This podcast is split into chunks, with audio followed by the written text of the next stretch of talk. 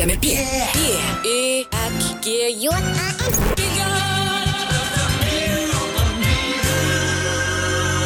Bylgjan. Björst og brosandi frá 1986 Sprengisandur. Á bylgjunni. Sæli hlustundur, þá leggjum við að stað hér á Spengisendunum þennan sundas morgunum þau verða hér eh, Arna Sigursson og Steinur Þóra Átnardóttir ræða eh, áfengis sölu mál í lokþáttar þau verða hér líka Birgi Jónsson fórstur í play, Drífa Snædal fórstur í ASI takast þar á um launakjör play hvort þau séu viðunandi eða ekki og við hvað eiga miða. Og þau verða Krist, Kristján Flostardóttir verða hér Birgir Armarsson og Björn Levi Gunnarsson. Ætlum að ræða efnarsmál og eitt og annað þeim tengt svona pólitískum vettvangi. En ég ætla að byrja hér á málum hæstaréttar og, og svona því sem að verið hefur verið hér hjá mér undan hérna tvær vikur, Jón Steinar Gunnarsson og Eirikur Tómasson hafa verið hér og nú er sestur hjá mig Bjarni Már Magnússon sem er professor við Háskólan í Reykjavík, sætla blessa Bjarni. Sæl og blessaður og, Og velkomin. að. Já, það er nú lítið, hérna, æfinlega velkomin Sko, þú, hérna, brást nú við þessar umræðu Jóns og, og Eiríks með því að skrifa grein á samt Haukiloga Kalsinni, hérna það sem að þú fóst yfir nú, varst einmitt að ræða þessi aukastörf dómara og, og svona kannski sérstaklega út frá sjónarhóli tengsla milli akademíunar og dómstóluna um það hvernig þegar að dómarar flakka á milli þessar að tvekja stofnana hvernig svona gaggríni akademíunar verður bit minni að minnstu fórstu eða mjög, mjög mikil hætt á því. Skilja þess fyrir mig hvað var ekki fyrir þér og hvernig þú sér svona þessu umræðu alla eins og hún hefur þróast? Já, kannski ég bara byrja á því að, að, að því ég er nú kannski ekki þekktur í lögfæraðsamfélaginu fyrir, fyrir að vera að skoða mikið þessi mál en ég hef verið að, að skoða þessi mikið mál var þetta alþjóðlega dómstóla. Já, uh, og, og ég hef skrifað aðeins um það þannig að áhugin minna þessu náttúrulega kemur sprettur á þessu. Og það tengist þá ekkit eitthvað, eitthvað að Jón Steinar sé koma fram en, en, en mér bara fannst margt af því sem hann sagði. Já, Uh, ég segn bara aldrei svo vant, ég er ofta mjög ósamálan að það fannst mér bara mjög sterkir punktar hérna. Já. þannig að ég og Haugur sem hefur verið að ræða mikið sem mál og hérna ákvæðum bara að hætta að ræða þetta við kaffilna og, og skrifa grein. Mm. Það er nú þannig að, að hugmyndin við, við um dómstóla er að þeir séu nokkuð sjálfstæðir. Uh, og það byrtist nú bara meðal annars í, í lögum um dómstóla frá árinu 2016 að, að þar er megireglan dómara skuli ekki sinna öðrum störum samhliða störum sínum sem dómara já, það er, svona, það er megireglan já, e, og það, það snýst um þá að, að þá að, að, eh, að sko að dómsvaldið sé, sé sjálfstætt og það sé einhverjum það mörg á milli þessara valdtáta en svo er náttúrulega líka sko að það er ekki bara sko þrýkningi ríkisvaldsin sem er hann undir heldur er það líka sjálfstæða akademinar og það er eitthvað sem hefur fengið miklu minni aðtegli e, og það er kannski e, maður segja að, að staðan í dag er svolítið sérstök því það eru rúmlega tíu starfandi íslenski dómarar sem eru einnig í sko föstum akademiskum stöðum og þeir eru þá allir e, hjá, hjá e, hvað segja, nákvæmur mínum í, í, í Háskóli Íslands. Já. og kannski taka fram sko að það er náttúrulega að setja þetta upp sem eitthvað skona eitthvað eh, eitthvað, eitthvað slagsmál milli H og HR þetta er ekki það, þetta er náttúrulega miklu stærra mál. Mm -hmm. það kemur að, að, tengslum eh, akademina við, við domstólana og þetta sjálfstæði domstólana og það er náttúrulega eitt áhugavert í þessu að það eru fjórir af sjö dómarum hæstarittar akademiski starfsmi við Háskóli Íslands. Reyndar eru er, víst, eh, tvær uh, sem eru núna eh, á útleið eða eru tímabundið í hæstarti uh, en það er sko, það er í þessu samingi er mjög mikilvægt að gera greinamun á fastránum starfsmönnum lagadilda og stundakennara uh, það hefur ekkert verið gert í þessu umræð þetta er bara svona gröita saman sko, kennsla eða, eða hérna rannsóndir og allt saman. En sko á þessum aðilum er eðlismunur. Ef sko dómarar eru fastránir starfsmenn lagadilda þá kemur upp ansi sérstök staða. Þeir sem eiga að vera sjálfstæri störun sínum þjóna tveimur húsböndum. Það er að segja tveimur vinnuveitendum, annars vegar domstólun sem þeir starfa við og hins vegar háskólan. Uh, Stundakennarar, aftur móti, eru verktakar sem sinna afmörkuðum tímabundnum verkefnum og hafa ekki rannsónaskildi og koma ekki að stjórnsýslu deildana sem þeir kenna við. Og slíkir kennara hafa ekki aðganga deildarfundum lagadeildana og koma þekkja ákvarðanatöku um ímismál snerta deildina. Og það getur nokkur akkur að fá uh, dómar inn í kennsla háskólan til að miðla af reynslu, reynslu sinni. Mm. En það verður þó að hafa í huga að einn helsta gaggrinin á gæði háskóli hérlendis hefur verið hversu miklu mæli stundarar, stundakennar koma að starfsemi þeirra. En það er náttúrulega bara allt unnur umræða. Mm -hmm. En er, er þetta semst þannig, þú ert að lýsa þessu, er, er þetta semst þannig að dómar í hæstarétti sem að flestir hefur talið að væri fullt starf að sinna, uh, þeir eru líka með fulla stöðu við Háskóla Íslands? Já, þeir Eða fasta stöðu? Já, satt, fasta stöðu í ákveðinu hlutfalli og það, það er, er einna merkilegast, er náttúrulega sko, ef við tökum bara, tökum bara einhverju persónu en það kannski, verður kannski það verður alltaf, alltaf eitthvað aðeins personett því að dæmin eru já. einstaklingar en, en það verður bara að hafa það uh, að það er þá fórstið hæstaréttar mm. sem er þá í fullu starfi hæstarétti er svo líka í 49% eða 48% það er eitthvað óljóst. Uh, stöðu sem profesor við Háskóli Íslands. Það þýðir að hann er vinnur þá væntalega 12 tíma vinnundag já. sem náttúrulega uh, svolítið sérstak sko. já, já. Eh, og, og þar að auki ef við bara tökum hann, þetta er nú allt ofinbæra upplýsingar, að þá situr hann líka í, í réttafarsnefnd sem er, er nefnd, sjálfstæð nefnd uh, hjá Dómsmálandinu sem uh, veitur umsagnir og kemur á alls konar störum varandi lögjöf og slíkt. Þannig að þú veist, hann er komin svona svolítið mörg svona Margir hattar á saman. Já, margir hattar á samaninn og, og uh, það er svolítið sérstakt uh, og kannski opnaðans umræðan um þessi mál sko, þetta, þessi umræða á ekki bara við íslensku domstólun, þetta á einnig við sko, íslenska dómara við, við alþjóðlega domstóla sem margir hverjir erum í ymsa hatta en það er svo tilöfni sko ennfrekari umræða, en þetta er mjög sérstakt og sérstaklega því sko Uh, umræðan hefur fókusera svolítið á fósta hæstar, þetta er kannski eðlega þetta er náttúrulega fósiti hæstarðar mm -hmm. maður haldi að það ætti bara að vera bara nóg að vera fósiti hæstarðar uh.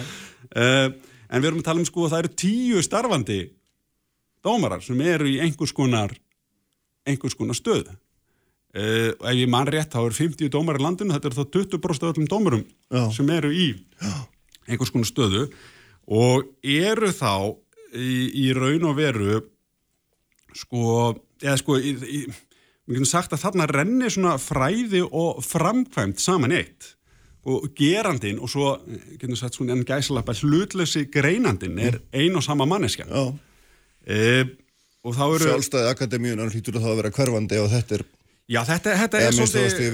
Eða Já, er og, og það sem, það, það sko, umræðan fyrir einhvern veginn alltaf út í einhver sko kennslu, en sko, háskóla snúast ekkert bara um kennslu.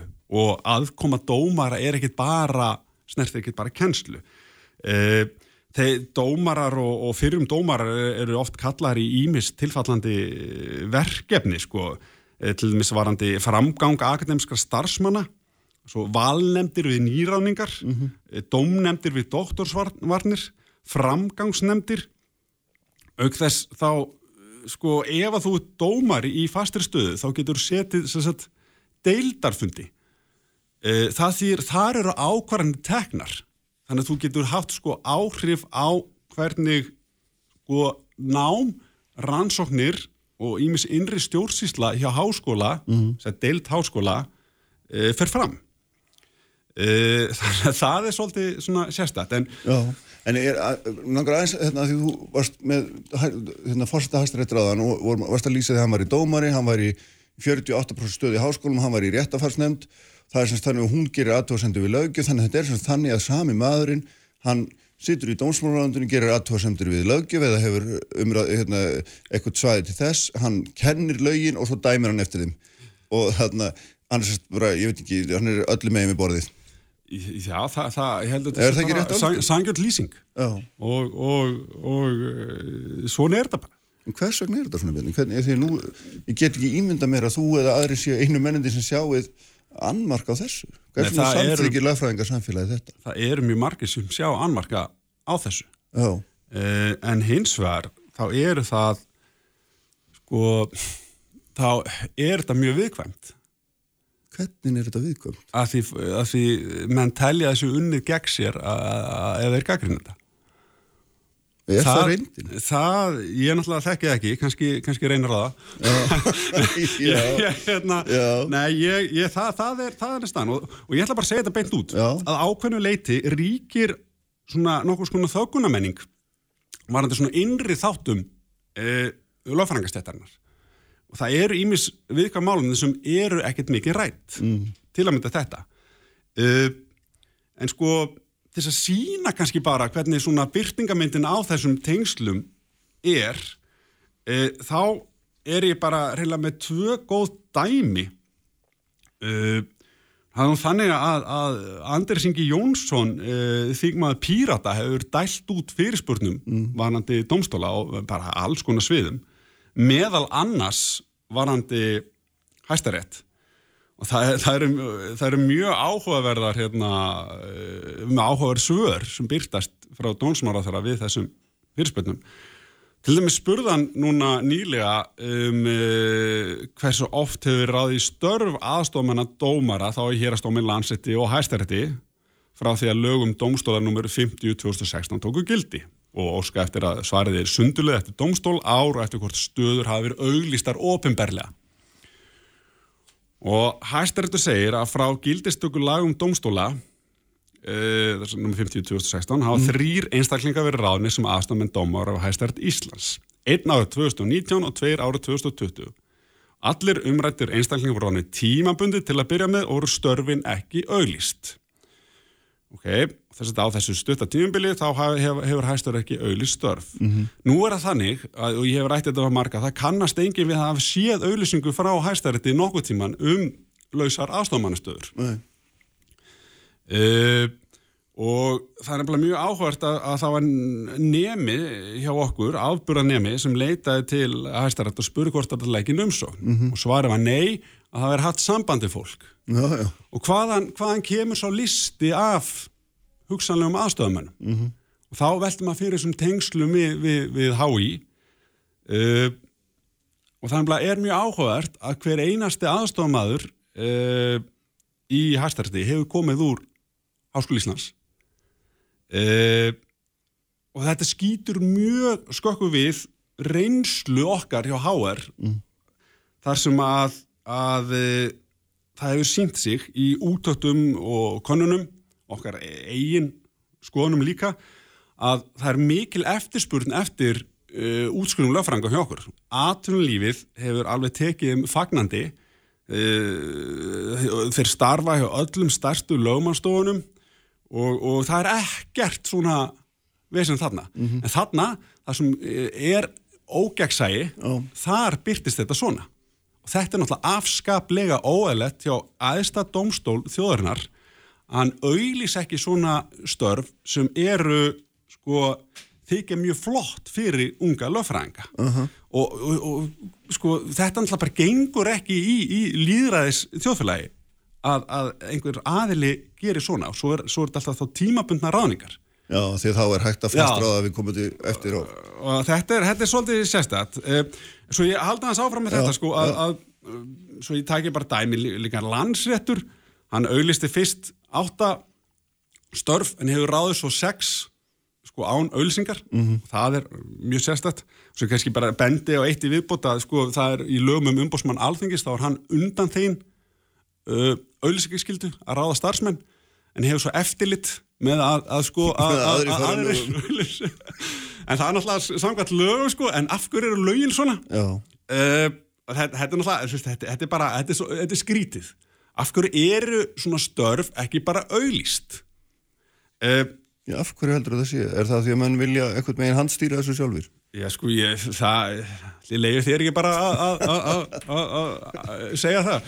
Hérna, en það er annað, ég tek annað svona case, sko, sem hefur komið upp. Uh, svo við er, séum bara, höldum okkur í bara fakta, ekki bara eitthvað slúðsugur. Mm. Það var, hann Andri Singi, sem er bara nánast upp á þingmaður minn, hann, hann spurði hérna út í, sko, þá tillemningar hæstaréttar í nefnd, ráð og stjórnur og um stjórnvalda. Það er þannig að það eru ímis lög uh, sem að hérna uh, segja það að hæstaréttar er að tilnefna í, einhver ráð og stjórnir framgatavalsins. Aha. talandi um svona blörruð mörk hérna valdháttana Já, að þá er það þannig að, að uh, hann tilnefndir oft, oft uh, uh, akademiska starfsmenn.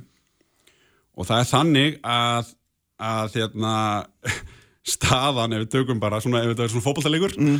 þá er það 33-7 fyrir hái gegn háar og, er, það, og, það, og þeir sem hafa verið tilnefndir úr háar eru þá, eru þá uh, að nokkru leiti sko fyrirvændi aðstofamenn í réttinum sjálfum. Já, og, og, og það er sko það er óljóst hvernig þetta ferli er og, og á hvaða sko hver er krítirían, hann segir enda sko hérna í svari að þessi alltaf hæfustu einstaklingar til að takast á þau verkefni sem óskar tilmyndingar í. Já, en hvernig er það metið? Aha, og þú veist, og meðan við bara ef, ef ég bara þe- ef náttúrulega þekki þetta sjálfur sko að ef maður skoðar bara samsendingu deildana sko og, og það er 33-7 það, það, það, er, það, það er ekki sko vísmendingum styrk, raunverulegan styrk deildana sko en ég var nú að segja það á síðustu tveimur árum hefur það höfð að breysta aðeins að því, að því þessi 33-7 tala að síðustu fimm þessi fimm að þessum sjö koma á síðustu tveimur árum já, þannig að þetta var mun verra fyrir Já, tveimur já, árum. já, já.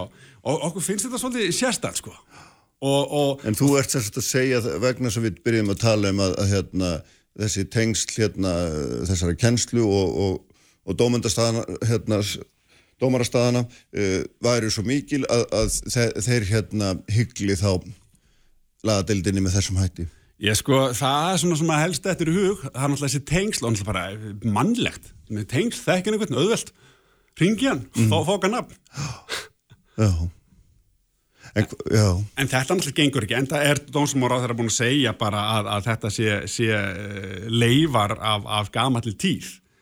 Og að, að rétt sé að fela þess að, þá er ég að tala um svona þessar tilnefningar sko, að fe- fela þessi verkefni dómstólusíslunni. En það, það, en sko þessar ráningar sko aðstofamanna, það finnst mér svona öllu verra, að því þetta er líka bara þá ójöfn tækifæri í landinu fyrir, fyrir nýjótskruða lögfrænga að geta þá ekki sótt um sko, af hverju getur ekki sótt um? Og það er það að þekki einhvern, þetta, þetta er svona, þetta minnir heldur svona kunningarsamfélag. Mm -hmm. Og það er ekki gott á æstu stöðum. hvað hérna hvað þarf að gera til að breyta þessu? Uh, það er náttúrulega ímislegt. Uh, sko, það er ein, ein leið er að sko, það er þannig hjá, uh, hjá lögfræðingum að, að þeir eru eða, eða lögfræða akademínu að, að þeir eru undaskildi þeirri kröfu að þessi með dótspróf. Það hefur verið í flestum deildum hérlendis. Einlegin verður bara að gera það. Og þá myndi það svona, þá væri kannski fólk á öðrum svona karriér sem færi í það. En það þyrst náttúrulega bara að skerpa þessu sko, skil miklu fastar og þetta er náttúrulega en svo virðist vera að, að sko, sem er svo förðult að, að, að, að hérastómstólar virðist vera með sín mál svona sæmlega Já. að varandi þessi mál. Svo er þetta náttúrulega sérstaklega varandi ráningar í, í, í landsrétti, varandi aðstofmenn, en svo er hæstaréttur, þá er þetta sko á æðstastínu, þá er þetta bæði sérstaklega, bæði varandi það að, að dómarnir séu svona í hinum á þessum störfum Já. með.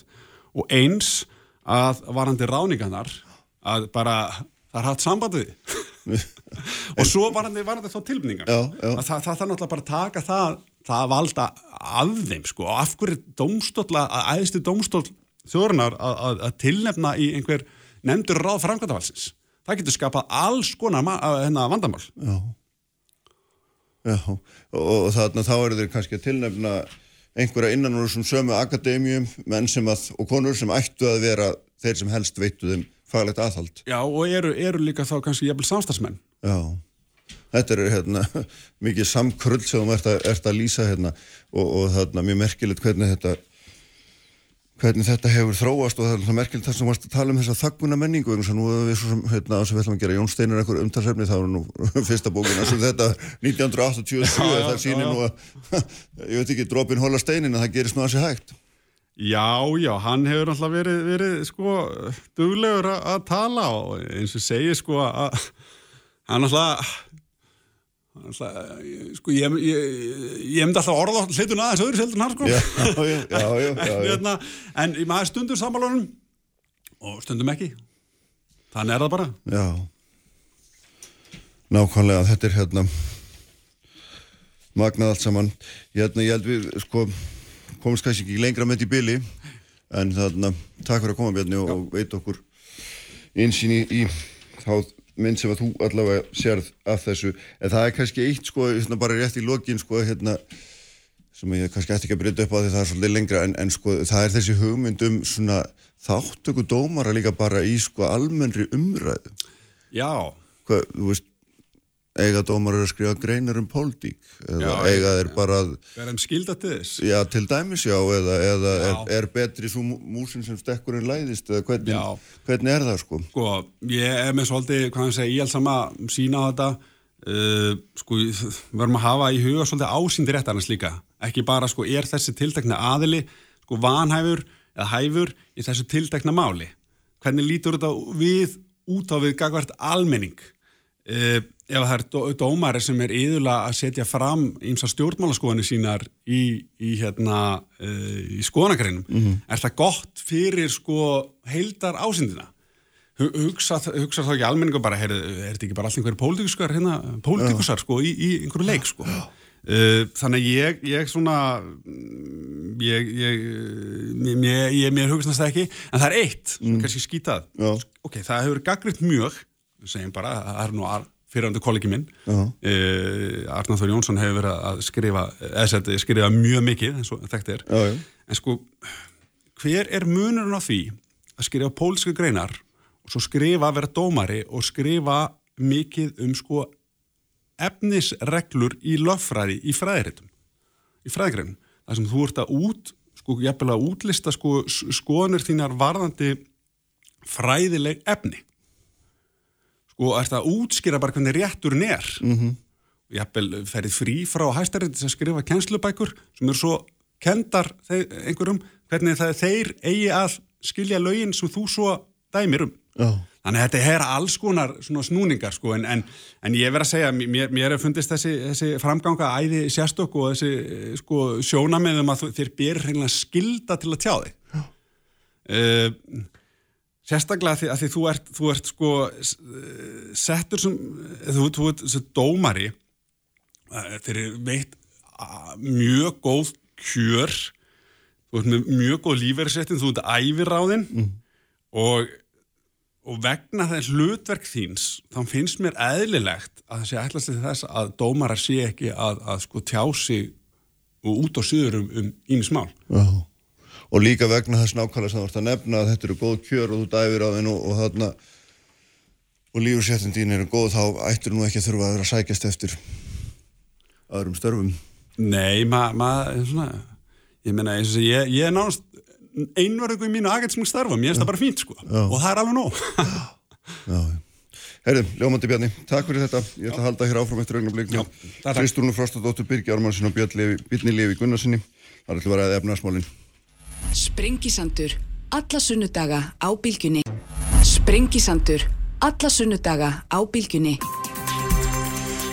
Sæli hlustundur, þá er hann Bjarni Már Magnússon, professor lögum í Háskólinn Reykjavík farin frá mér eftir þessa yfirferð hans yfir, já, svona hans álit á þessari, þessu samkröllu öllu í domstólakerfinu okkar, akademíunni og svo framvegis, uh, hérna, ómyrkur í málega Bjarni að venju. Nú ég ætla að fara aðeins í, í hérna, enga rétta á sölu áfengi hérna í lók þáttar. Ég ætla líka að ræða málefni Play og ASI við þau Drífu Snædal og Birgi Jónsson sem er fórstjóri Play. En nú ætla ég aðeins að ræða efnarsmálinn. Uh, Björn Levi Gunnarsson, Kristrún Frostadóttur og Birgir Armarsson er sest hjá mér. Sælu blessu öll og velkomin. Takk. Uh, það brá að, hérna, hvað aðeins við nýjan tón núna fyrir skemmstu þegar Sælubankin hækkaði vexti. Eitthvað sem að, hérna, svona, jú, en greiningadeildin er átt ekki vona allavega. Og þarna, það verðist vera þannig að það er verðbólga er þrálátari heldur en menn heldum, ekki auðvelt að hveðana niður, þetta er svona eitthvað sem ég er búin að reyna að, að hérna, ræða hérna undarfarna vikur og einhvern veginn ekki svona fengi mikið hljóngrunn um, fyrir. Uh, og svo kom var nú ekki svona ómerkilegar að Ásker Jónsson Sælabankstjóri kom fram og sagði ríkinu að nú er bara komið nóg. Og nú skildi það bara hérna, draga, kippa sér höndum. Uh, við, viðspilnan geti síðan sér sjálf hér eftir. Þetta er líka alveg nýr tótnum ég langar að fá ykkur aðeins til þess að bregðast við, við þessu björnlega þú kannski byrjar Ég verður nú til í að heyra, heyra hvað Birgir segir fyrst við þessu. já, ég, já, Birgir, þú mátt líka byrja Ég að ekki stefnir í þessu. Já, ég bara ef ég má byrja þá Já, myndi ég segja sko að auðvitað þurfti þetta ekki endilega að koma svo mikið óvart uh, ég held að það hefur nú fleiri kannski uh, talið að þetta geti verið í kortónum uh, ekki bara greiningadelt Kristjáns Kristjánssonar heldur, heldur, heldur fleiri hafi verið þeirra skoðunar að, að, að, hérna, að verðbólgu þrýstingurinn væri þannig að það myndi á einhvern tímabóndi kalla á viðbröðu fálfu peningastefnunendar og uh, það má segja sko að, að þessi vakstalækkun sem var ákveðin þarna í vikunni hún er auðvitað þannig sé varfærin, ég menna við erum eða þá að tala um vexti algjörlega í sögulegu lámarki hérna. En, uh, en auðvitað er uh, peningastefnu nefnd að láta skína svolítið í það vopp sem hún hefur í Já, sambandi við hérna partuna við verðbólgunni. Og uh, það út af fyrir sig þarf ekki að koma óvart og, og hérna við auðvitað þurfum að bregðast við með einhverjum hætti, við þurfum að uh, skoða þá þætti sem eru uh, að íta undir verðbólguna og velta fyrir okkur hvað er hægt að gera til þess að, að stemma stigu við þessu vegna þess að, að við viljum ekki missa tökinn hvað það varðar. Mm. það má hins vegar ekki gleyma því að það eru líka í þessari niðurstöðu byrtast líka sko ákveðin jákvæðmerki ég meina jákvæðmerkin eru þau að hagvöxtur virðist ætla að vera e, betri eða meiri heldur en við áttum von á heldur en að gert á ráð fyrir.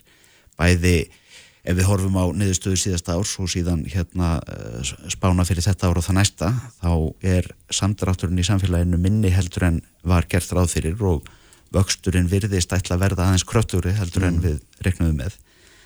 Og út af fyrir sig eru það auðvitað jákvæð tíðindi sem slík sko. En það hins vegar þýðir það líka við uh, þurfum eins og Sælabankin er í raun og veru að hérna leggja upp með að stiga varlega til jarðar þegar við erum að velta fyrir okkur sko undirliggjandi þáttum sem valda vörbólgunni þá náttúrulega eru þá er engin ein, einföld skýring sko. Það virðast vera margir kvatar sem er að ídöndir e, velagsækanir e, gengið spilar inn í launahækanir spila inn í e, auðvitað erum að ræða sko e, aukningu ríkisútgjalda á tíma þar sem hérna er í raun og veru e, samdráttur í hagkerfinu og uh, þetta eru allt þættir sem skipta máli. Húsnæðisliðurinn skiptir máli í þessu sambandi og þar uh, veltum við auðvitað fyrir okkur áhrifum annars vegar, hérna, annars vegar uh, vaksta breyting eða vaksta stefnu Sælabankans og hins vegar hins vegar auðvitað frambóði á lóðum og, og, og hvað ég var að segja hvað mikið er að koma inn á markaðinn af nýjum íbúðum. Og þetta eru allt saman þættir sem skipta máli. Við erum auðvitað En finnst þér þetta að vera eitthvað ágefni, Birgir? Vera... Eh, ég miss ekki svefni við þessari tilteknu en- aðgerð en eins og þú En segir, það er svolítið verið að já, vöðvana. já, já, ég meina ég held að þetta séu svona ákveðin viðvörun, viðvöruna merki sem við verðum Já. að taka alvarlega Já. og uh, þurfum auðvitað að haga okkar hérna ríkisfjármálapolitík í samræmi við þetta Mm Kristrún, nú, þú dæmdir þið alveg leik, en ég hefði bara síðasta mál. núna. Kristrún, hva, hvernig hugnast þér þetta? Þessi, þessar, hérna, þessi viðbröð og, og þessi staða sem upp er. Sko, hérna fasteina verið búin að hækka um 14% á einu ári. Já. það eru 20.000 manns ennþá án atvinnu og við erum með rúmlega 4% verðbólku sko, partur af þessu er gengisveiking sem mun ganga tilbaka þannig ég held að tílitinu til þá hef ég enga, brjálar áhyggjur af því að verðbólkan sé eitthvað að fara út úr kortinu. Um, það breytir því ekki að þetta er merki um bara mjög mikið ójöfvæði sem þetta staðar í hagkerfinu. Um, að við skulum vera með þenslu á ákveðnum eignamverkuðum á á sama tíma og vera með rosalega mikið slag á einum stað. Og þú veist, það er svo leiðilegt að vera típan sem segir, ég sagði ykkur þetta, en sko, við erum að tala um samtal sem við áttum ítrykkað hérna í fyrra. Það sem að var verið að tala um fastegnamarkaðin væri við, við að hrenja og það væri ástæðin fyrir því að yrði að fara í gífurlega aukningu á lánsfjármagn út á markaðin. Og ég vil bara ítrekka það að þeir punktar sem að ég var með hérna í fyrra, sem snéru að fastegnamarkaðin höfðu í rauninni ekkit að gera með vexti heldur það að það var farið í því að beita bankakjörnum fyrst og fremst sem örfunarleið í þessum aðgerðum um, og það var farið þá leið að lækka ákveðnar uh, lausafjárkröfur og, einfjárkröfur á bankana sem gerði þeim kleift að veita auk, auknum fjármagn út í kerfið og treysta á að það fjármagn myndi, myndi leita á það staði sem að þurfti á því að halda. Þegar staðrindin er svo að bankarnir, bara rational banki, um, tekur auðvitað bara með af sínum rekstri og áhætt og þess að þar og við sáum bara mörg hundru miljardar farin á fasteignumarkaðin í fyrra þannig ég segi bara, ég, ég, ég skil ekki að fólk skuli vera hissengstur út í samfélaginu að við séum í þessum aðstæðum. Mm -hmm. Þetta mhm. var því með það sem ég ótaðist og ég held að vera óbyrst annað en að segja að það sé bara búið að myndast ákveði ójafvægi e, í hagkjörunum akkurat núna og þetta er nákvæmlega spennitreyan um, sem að maður hafið áhugjur að því að lenda í að við værim í stöðu þar sem við værim með óvirkni einhver starf í hagkjörunu Uh, fólk án atvinnu og síðan varum við búin að setja okkur í þá stöðu að ríki getur ekki hreift sig með skilvirkum hætti vegna þess að eignamarkaðar að annar staðar eru búin að blása út og er komin þensla. Þannig að, sko, ég ætla ekki að vera eitthvað rosalega neikvæðina, mm. en staðrindin er svo að þetta var mjög fyrirsjónlegt og auðvitað er ekki jákvægt að við séum bara að koma okkur í ykkur spennitriði verna þess að það er ekki svo auðvelt að bakka bara með allt núna. Veist, stór hluti af þeim útgjöldum sem við sjáum til dæmis í að ríkisjöfu dag er bara vegna slaka annars þar í hagkjörunu og ég verða að segja að þessi aðtöðsendur fór sælabankastjóra varandi að nú þurfum við að fara á bremsuna. Sko ég vil bara spyrja mig bara hvaða bensín er núna verið að tala um þannig að lang stærsta örfunir aðgerðin í fyrra kom í gegnum Sæðlabankan og fór á fastegnamarkaðin um, stæstu, ég menn ég er bara með þess að tölur það fyrir Kristina því mér stótt talað um eins og við sem að fara ykkur aðgerðin núna á ríkisfjármáluleginni sem að verður að bakka með.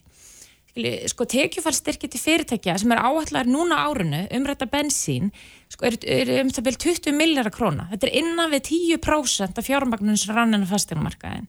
Um, 170 miljardar útgjálta aukning umfram það sem við var búist í fyrra. Lang stærsti hlutin af því er vinnumarkas aðgerðir sem að þú kemst ekkert hjá.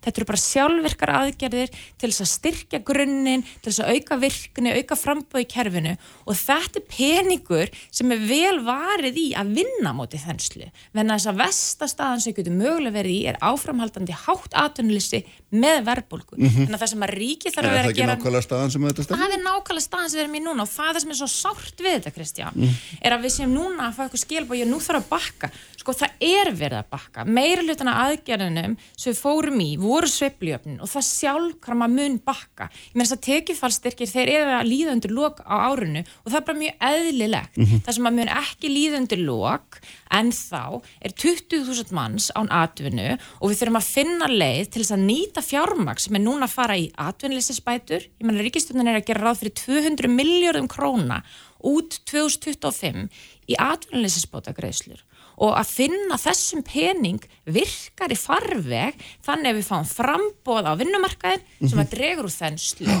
og síðan er það síðasti partur eins og við þurfum bara að ræða frekar hérna eftir. Mm. og það eru fjárfestingar í innviðum. Og hvað á að gera undir svona kringustæðum mm -hmm. Björn, Levi, áður við förum í það Áður förum í það, já, þetta er, þetta er alveg rétt sem kemur fram hérna bæði hjá, hjá Kristrún og, og Bergi að, að þetta er búið að vera ansið erfitt og uh, stefnan sem er verið að taka núna, hún er fyrirsjánleg um, það er búin að vera ákveðin skortur á samvinnu sem að hefur verið kannski svona að því að mér finnst vera stærsta vandamálið svona í þessu. Það er að segja skortur á samvinnu í ofnbjörnum fjármálum, millir ríkis og sveitafélag til dæmis. Eh, staðan hérna upphafið kjörtjöfambils var að það vantaði fjúr eða 5.000 íbúður inn á, inn á markaðin núna vantar um 4.000 íbúður inn á markaðin það átt að vinna þetta upp á 10 árum og upphafið kjörtjöfambils átti vinna upp svona 2200 íbúðir á, á, á hverju ári sem átt að byggja. Nú er það komin nýri 1900 það er þess að búið, búið að vinna upp 300 íbúða halla í rauninni. Mm -hmm. en, en, en þá heilhellingur eftir.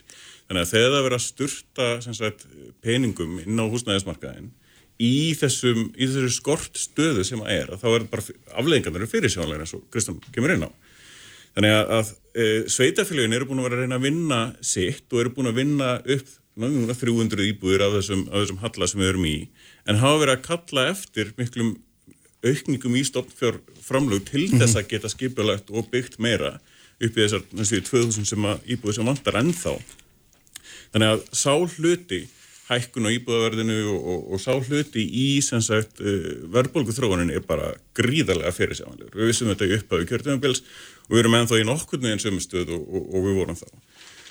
Og það er þess vegna alltaf áhugavert að sjá líka Sælabankastjóra svona gaggrína frambóða lóðum sem, sem hluti af, af vandanum því að aftur hann er fyrirsjánlegur það, það ríkið þarf að koma inn sagt, í þetta og jafna út stöðuna á markaði í þessu skort umhverju sem við erum í annars heldur það bara áfram að, að verða verra og verra eins og mm. við höfum alveg séð fyrir, fyrir hrun og, og verður Hvernig, hvernig? Hvernig á ríkja að gera það? Eins og sveitafélag var kallað eftir, það var kallað eftir meiri stofnfjárframlegum mm. til þess að geta skipulagt uppbyggingu á, á, á húsnæði út um allt land, ekki bara hérna á höfborgarsvæðinu. Höfborgarsvæðið hérna hefur, er, er í met uh, uppbyggingu á, á íbúðum þó að mm -hmm. það sé, jú, vissilega á dýrum svæðum eins og við höfum bent á. En þá er það samt hliðrun og losun á, á svæðum annarstaðar. Uh, þannig að vandin er vítekur, vandin er landlegur sveitafélag út um alland hafa verið að kalla eftir því að það vandar húsnæði þar og það er svo erfitt að, að byggja því að kostnæðinu stendur ekki undir sér með hvað íbúðuna seljast mm -hmm. þannig að í heldin á lítið er, það, er þessi skortur á samfunnu til þess að leysa húsnæðisvandan sem er, er undirlikjandi í þessu öllu ennþá frá því upphafi gjörðjánvils mm -hmm. Sko hérna Birgir hérna Sælabankstjóður sagði það sko að Orðrið, það er engin framtíði fyrir landið að ætla að búa til að hafa með skuldsetningu og ofnbjörnum útgjöldum en þetta er það sem við höfum verið að gera. Við höfum verið að keira okkur upp í mörgundru miljardar halla núna síðustu árum eða þessu ári og, og síðasta.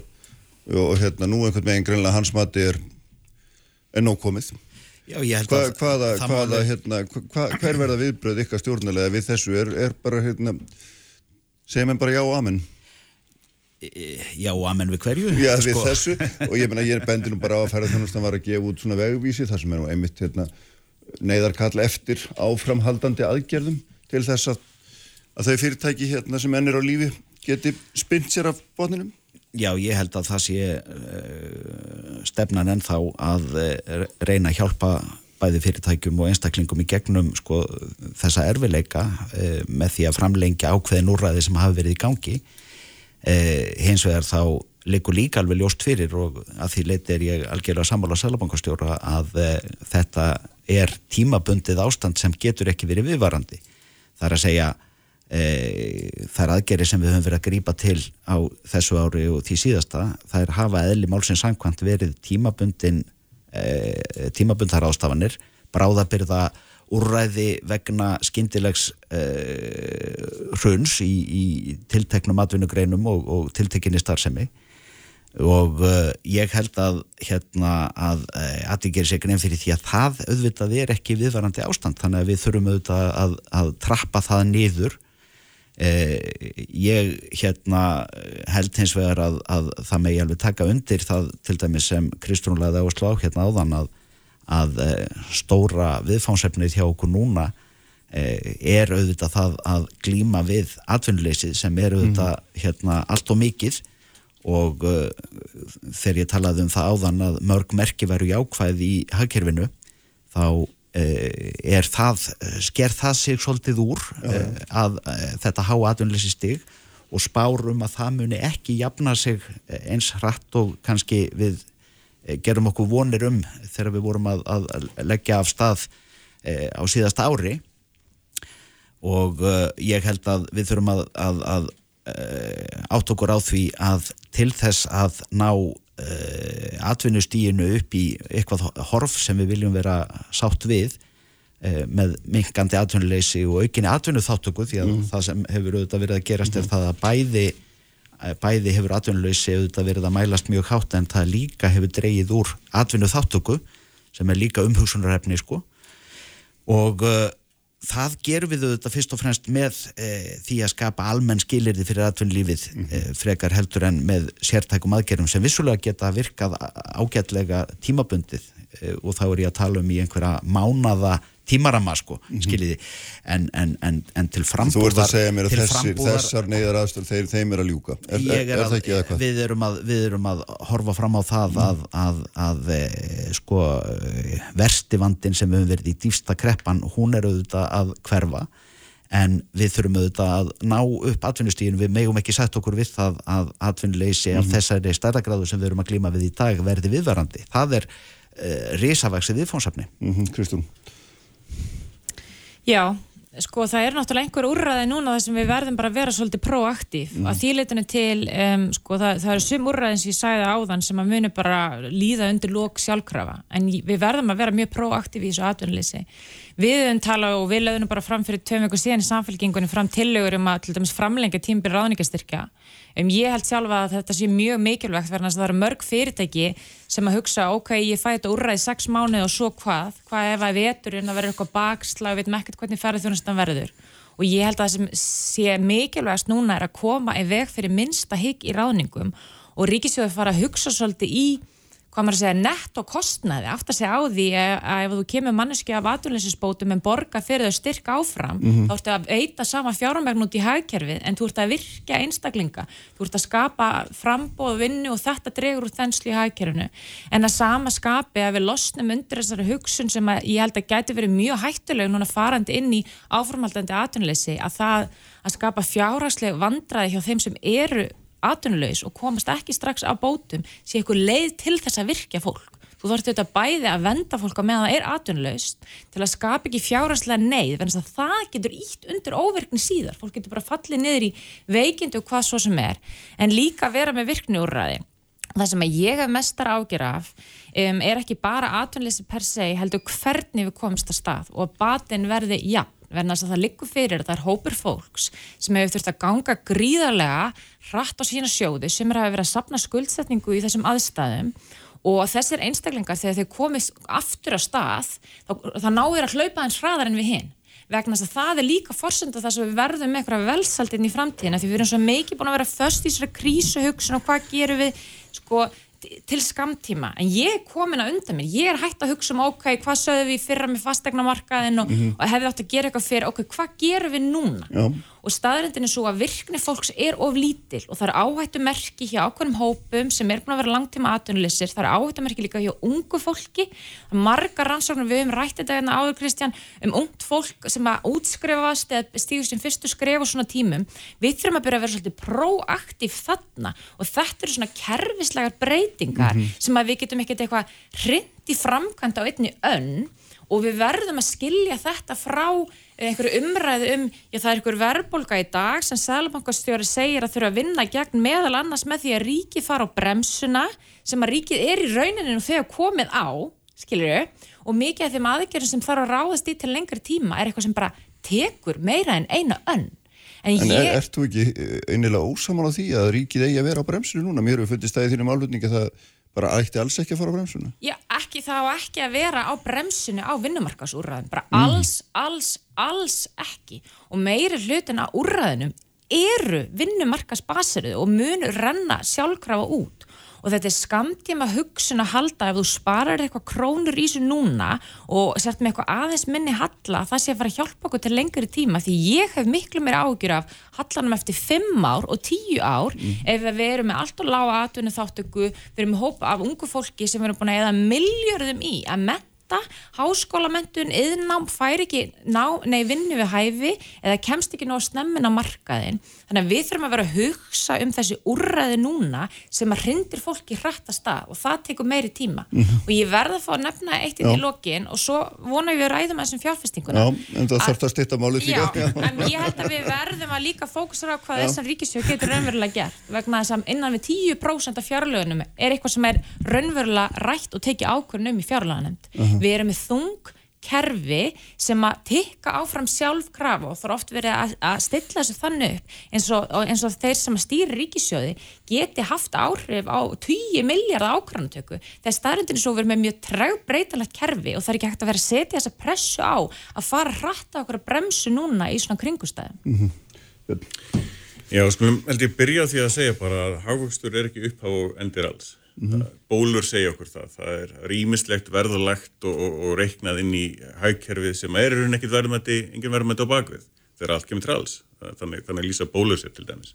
Og rosalega margt í því sem við, við gerum er að leggja inn einmitt, eh, á, áherslu á hvað á að vera hagvöxtur, hvernig hagvöxtur á að vera og svo framvegis. En, en sem er líkil spurningin.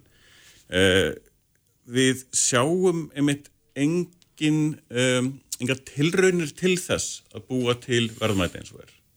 Uh, Birgir segir hérna að þetta sé ekki viðværendi ástand sem er alveg hár rétt en það hefur verið stefnan í öllum þessum faraldri frá upphafið, þá vonst til þetta er svona vafflaga hérna, faraldur og, og við myndum strax koma á flegi ferð aftur inn í, inn í svona eftir, eftir létta lendingu að stefnan var að býða býða þannig til að faraldurinn kláraðist og þá myndi bara allt fara á, á stað aftur eins og það var, við, verum að mun eftir því að efnahörnum var á, á niðurleið á þeim tíma mm -hmm. út af álægi vegna ferðarþjónusunar, út af því að húsnæðismarkarnir var enn ekki að, að, að lagast og, og við, við, við sjáum þau vandamál bara koma fram aftur. Uh, afleiðingin af því að býða er atvinnuleysi. Allt fólki sem þarf að býða er atvinnuleyst á meðan og það kostar ríkisjóð gríðarlegar fjárhæðir. Það sjálfsögðu heldur undir eh, sagt, framfærslu við eh, fólk sem er frábært en það býr ekki til haugvöxt á meðan. Ekki raunverulega, ekki, ekki sem er virðið á bakvið. Þannig að, að tilugur okkar í stjórnarnastöðunum, Pírata og allra annar í stjórnarnastöðunum til bara í fyrstu viðbröðin var að hella sagt, peningum í nýsköpum til þess að búa til stöð. Því við sáum það líka mm -hmm. að það var mjög augljóst að þegar að, að, að faraldunum myndi klárast, að það myndi ekki umsvifa löst verða sama ferðarþjónast og var áður. Myndi, hún myndi trappa sig upp. Já.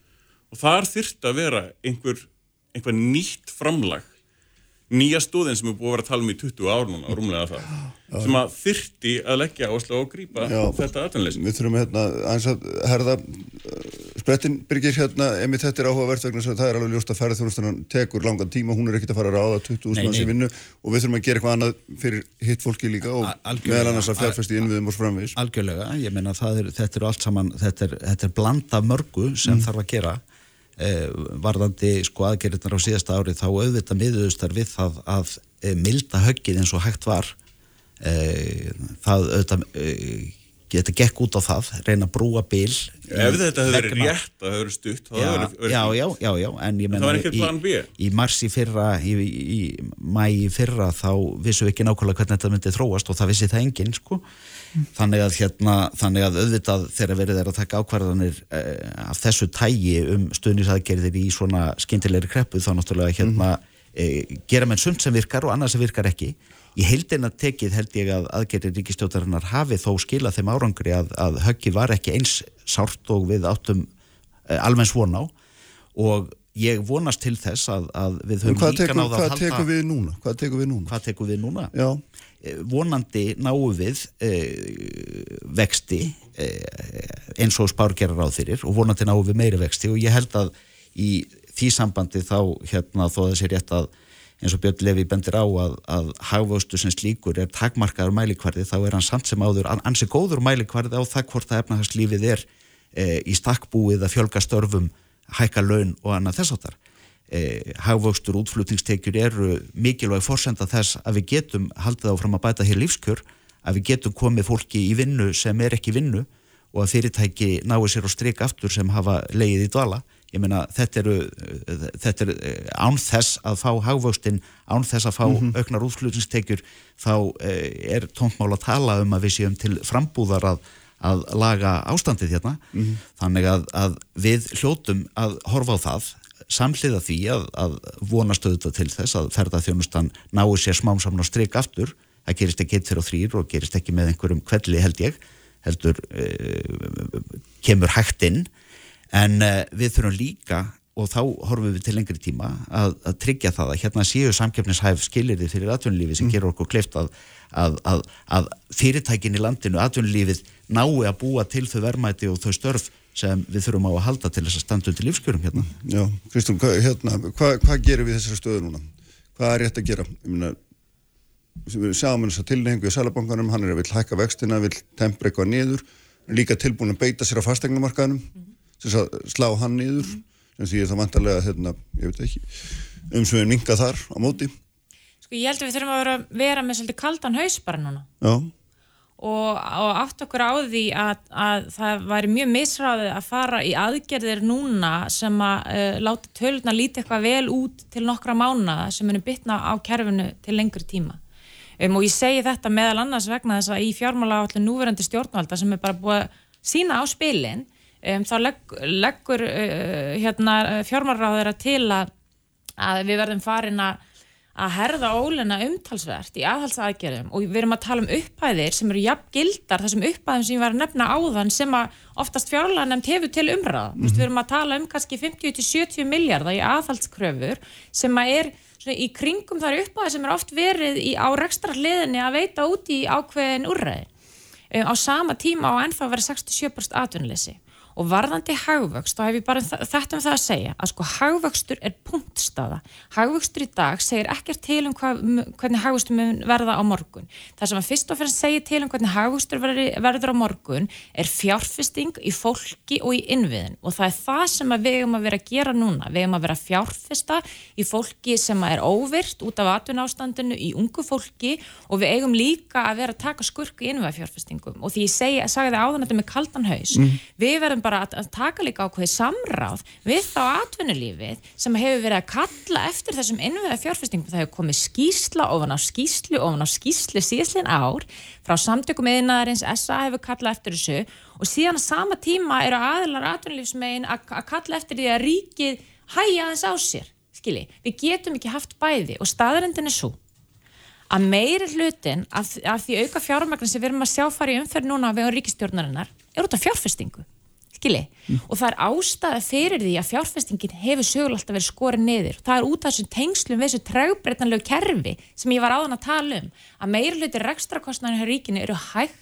fara breytingar í kerfinum þannig að það er verið að lofa upp í ermin á sér þegar það er verið að segja, herðu, við getum bara skorið niður hérna, minga útgjöld minga halla og það mun ekki bytna á neinu það er oftast farið í mhm. fjárfestingur þannig að fólk vil viðhalda fjárfestingu það vil hafa hagust til lengri tíma það vil, hafa gott atvelisisti þá verður við bara að flýta okkur hægt í að bregðast við einhverju tikki upp í verðbólku núna stór hluti að þessu er gengisveiking sem er að fara að ganga tilbaka mm. ég ætla rétt að vona að við sjáum bara aðeins hægt fara að ganga fastegnamarkaði en staðrindinni er líka svo að talandi um kerfin okkar þá þarf bara að fara í ákvæmna grundvölda breytingur á húsnæðiskerfinu en þess að við getum ekki staðið í þessu ár eftir ára að vera með 8-15% hækkanar á húsnæðisverði. Þetta legur út í allan kostnafyrirtækja þetta skapar þrýsting á, launa, hérna, á, á, á launum fólks sem að skapa líka þrýsting á útgjöldur ríkisjós þannig að við verðum að fara í grunnkerfin okkar, ekki eitthvað skamtíma rettingar. Mm -hmm. Eina myndu, getur klarað einu myndu. Horfur til lengri tíma, við verðum að fara að huga til framtíðar. Vandamálið hjá okkur núna er húsnæðismarkaðurinn, e, fyrir sérnalegt að, að leigu verð farið í einhverjar ógöngu núna þegar að fara þjónustan fyrir aftur í gang út á skamtíma leigu.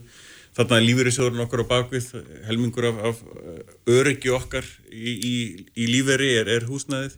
Við þurfum að huga að ungu fólki sem hafa komið ekki út skuldum vafið út úr skóla, þannig að það, það eigi séns á að komast á strax á, á stað og, og við þurfum einmitt eins og Greiðsson segir að fjórfesta í, í fólki og þessum mm. innviðum sem er búið að benda aftur og aftur og aftur að eru að grotta niður og við erum bara, já, við, við erum að geima aðeins þessa skuldirhörni sem við erum búin að sapna upp núna í, í kóinu.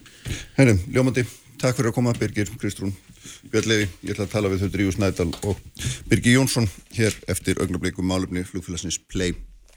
Sprengisandur á bylgjunni Frettir þjóðmál og pólitík. Sprengisandur á bylgjunni.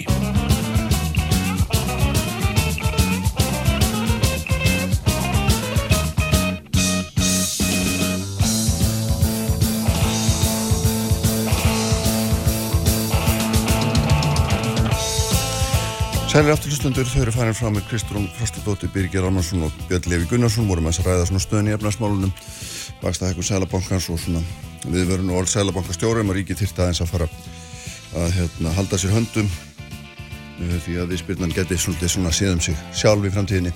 En þarna látum þetta líka millir hlutar núna. Drívar Snædal, fórsti ASI og Birgir Jónsson sem er fórstjóri player komin til mín bæði tvö, velkomin. Takk, Því það hefði aldrei verið að hérna, senda skeiti ykkar á milli. Uh, Drívar, þú hefur verið haldið því fram og þið að að pleysi ekki bara að borga læri laun heldur en almennt gerist á flugmarka heldur er bara einn lægstu laun í landinu. Stendur þú fast við það? Ég stend fast við það, já. Og við byrtum útrekningar sem hafa ekki verið viðfengtir mm -hmm. uh, til samaburðar þá tókum við laun hjá Æslander sem er svona hérna uh, samaburðarlaun og, og það var rauninni nauða samningar sem flugfrýður gengur til við Æslander þannig að þetta, er, eru læri samningar heldur við höfum viljað séð, sjá við byrtum útreikningar sem sýnir það að uh, Play er að bjóða þetta 30% læri laun heldur en þeir nauðasamningar sem voru gerðir við Æslandir uh, þeir útreikningar hafa ekki verið viðfengdir en það erum við með samning fyrir framann okkur. Loksins fengum við afrita þessu samningi sem við höfum hérna, viljað koma höndum yfir tölvert langa tíma og ég verð nú bara að segja það að eh, ekkert stjættafélag með reynslu af eh, slíku samningum eða sjálfsverðingu hefur gengið til svona samninga. Mm -hmm. Birgir, ég veit að þið hafið verið, hérna, verið ósátt við þessa framsetningu. Talið verið að hérna, ASI fara með rángindi. Skilðu hérna munin á ykkar, ykkar hérna, málflutningu þeirra? Já, sko það sem að, ég held að skipti okkur mestu máli og, og við höfum kannski verið að reyna að benda á er að þessi já, ég vil nú bara kalla þetta aðför að þessi, að, að þessi fyrirtæki er algjörlega innliða. Eh, það er, er ekkit samtalast í stað. Það er engin, drífa hefur ekki viljað að hittast á fundi nema, nema undir einhverjum mjög fyrirlegum kringustæðum. Um, sko, ef, hérna, ef að þá að kalla út alla sko launþegi landinu og láta þá sniðganga fyrirtæki sem að, hérna, er að reyna að hegja starfsemi og til þess að hafa fullkomlega, hérna, löglega samninga og, og það hefur verið staðfest af, af færistu sérfræðingum þá, þá er þetta bara grófleg misbeiting valds og þeirra góðu áhrifa sem að ASI hefur sko. mm -hmm. En er þetta rámt að, að launin síður svona lág? Nei, augljóslega ekki þetta hefur breyst svolítið mikið síðustu daga fyrst fór, fór snýrstittum það að play var að nota eitthvað kjærasamning sem væri undir já ég held að orðalagi verið þegar ekki séð annað eins og, og félagi var að sko segja sér úr líka við samfélagi síðar að manna sko. Mm -hmm og, og svo þegar að það er augljóslega ránt uh, þá, þá er þetta að fara að snúast en um það að launin og kjörin er einhvern veginn öðru en hjá einhverju öðru fyrirtæki. Og, og ég personlega hef ekkert séð innan Æslandir samning og en það skiptir það einhver máli. Þetta er bara, þetta er bara einhver tvö ynga fyrirtæki sem er að bjóða mismöndi kjör og er, er að stilla sinni starfsemi upp með mismöndi hætti.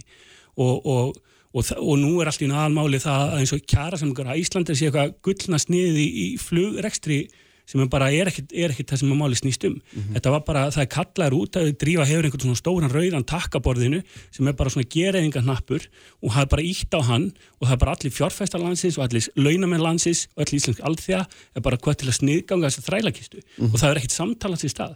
Þetta er bara óbóðlegt. Ég ætla að bregðast við þessu og segja það að þeir byggðu okkur til fundar í fyrra. Eh, ég ákvaði að hitta þetta félag, IFF, í staðinn og ég verði að segja það að það vakti fleiri spurningar hjá mér heldur en svör, uh, sáfundur. Uh, síðan er við búin að býða eftir að fá að sjá þennan samning og það er svo sem ekkit grundvalla, það er ekkit samtal til grundvalla nema við sjáum þennan samning. Vildi þá er... IFF ekki síningu samningin eða? Nei. Okay. Uh, og við Sem fáum hann ekki nema þegar hann, hann er með skila til ríkisáttasemjara þá fáum við þennan samning. Og okkur bregður mjög í síðustu viku þegar við fáum hennar samning. Uh, það er 20 í þessu. Í fyrsta lagi er þessi laun, uh, legstu laun sem við höfum séð. Grunnlaun er 266.500 ég ætla bara að endur taka þetta. Grunnlaunin eru 266.500 og af þessu grunnlaunum er allt annað metið hvort sem það eru lífeyriskreislur eða, eða réttindi til fæðingarólofs eða, eða veikita eða eitthvað slíkt. Já, þú er ekki, fekk þetta, ég er með þetta fyrir frá mig. og ég er með hennar samning hérna fyrir frá mig. þú getur sagt að það er, það er bætt við hérna sölutryggingu og bifriðastyrk en það er ekki laun og við vitum það bæði Uh, og öll réttind eru uh, uh, unnin út frá grunnlunum. Síðan er annar mál og það er þetta félag sem er IFF og hér sitjum við, ég og Birgir mm. og það vantar þetta félag. Ég held að allir fjölmjölumenn landsins hafi reynið ná í þetta félag undanfarnar daga til að spurja það út í hennar samning. Þeir einu sem eru tilbúin til þess að svara fyrir hennar samning eru play og þá veltum maður fyrir sér. Í, hverjir eru í þessu félagi? Ja, þú veist að gerir... þú talar við þá Þú talaði við þetta fólk, ekki? Ég talaði við þetta fólk, ég Já. veit ekki hverju farið fórsverði fyrir þetta félag í dag. Uh, þegar ég talaði við þau, að þá var ekki byrjað að ráða inn flugfröður. Þannig að það er augljóst mál að þessi samningur er gerður áður en fólk er ráðið inn til félagsins. Uh, og það er kannski ágætt að taka smá kjænslustund hérna í vinnumarkasfræðum og íslensku vinnumarkaði. Stjættafélög eru félög vinnandi fólks sem gera kjærasamning fyrir sína hönd við atvinnreikendur í krafti samstöðu til þess að forðast undirbóð. Eh, kjærasamningar eru ekki gerðir við eitthvað félag þar sem einn eða tveir eru sem eru starfandi uh, í þessum geira uh, og síðan ráðið inn. Þannig að þetta sko, þetta brýtur í berhögg við bara grundvallar skilgreiningu á stjættafélugum, grundvallar skilgreiningu á íslensku vinnumarkaði og þá, þá er einhverjum sem segja, byttum á fólk ekki bara að vinna á þeim kjörun sem það sýnist. Uh, við því segi ég, það er alveg hægt að finna fólk sem er til í að vinna frýtt. Uh, stjættafélög hafa hins vegar gert samninga til að verja hér lífskjör í landinu og þess vegna er það ekki í hag launafólks á Íslandi þegar svona skýta mix er í gangi. Já, Því að Birgir, það, það við er aðfyrða launakjörum allra á Íslandi. Við skulum lega byrja svara. Sko þetta er þetta ansi margir Já. púntar og Já. ansi mikil eldraða sko. Um, ef við byrjum á laununum, um, ég hef ekki séð þennan æslandir samning Nei. og enginn hefur séð þennan æslandir samning, samning og ég held að hún vísa til allra fréttamanna þá, þá er alveg ágætt að halda því til að haga að launflugliða á, á Íslandi bara gegnum árin hafa verið bara mikið trúnaðamál og það hafi, ég man ekki hvort það hefur árið einu hálfur síðan þegar Æslandir var að semja síðast við FFI þá, þá var ekki nokkuð leið fyrir neitt að fá að vita um hvað kjör máli snerist. Þá til einhver fór að byrta einhverja myndir á Twitter og eitthvað svona en ég held að allir fréttamenn landsins hafi ringt í, í hérna viðkomandi aðila og óska eftir að fá að sjá þessu samninga. Núna er öll, allir samningar orðnir, orðnir eitthvað ofnbjörg gögn sko, sem er bara nýmæli. En það er nú annað. Sko, þessi laun eh, ég hef, þannig ég hef bara umfjöldum mm. viðskiptablansins við að styðjast. Sko þú nefnir einhver 266.000 krónar launatölu. Viðskiptablaðið segir að lægstu laun Æslandi er samkvæmt þeirra samningi sem þeirra að segja sé 210.000. Hvað er aðeins í þá? Ekki þekki ég þetta. Ég hef ekki séð- 307.398.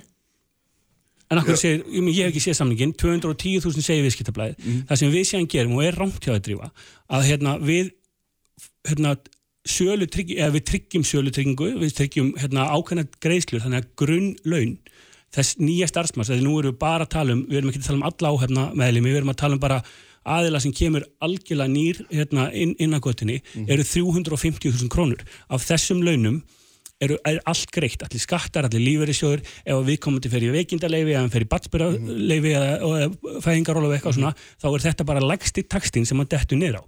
Þetta er búið að marg skoða af bara, eh, held ég, þremur lögfræðistofum, sérfræðingum í málunum, að því að félagi var, end, var að enda við stórt hlutafjárútbóð, þar sem að innkomu stórir stopnarnafjársfesta, lífeyrissjóður annað og það er algjörlega skýrt frá starfsmönnum, stjórn, eigandum og öllu sem á félaginu koma að þessi mál eiga að vera algjörlega á hreinu. Birgir, Birgir, nú ætla ég bara að fá að spyrja þig.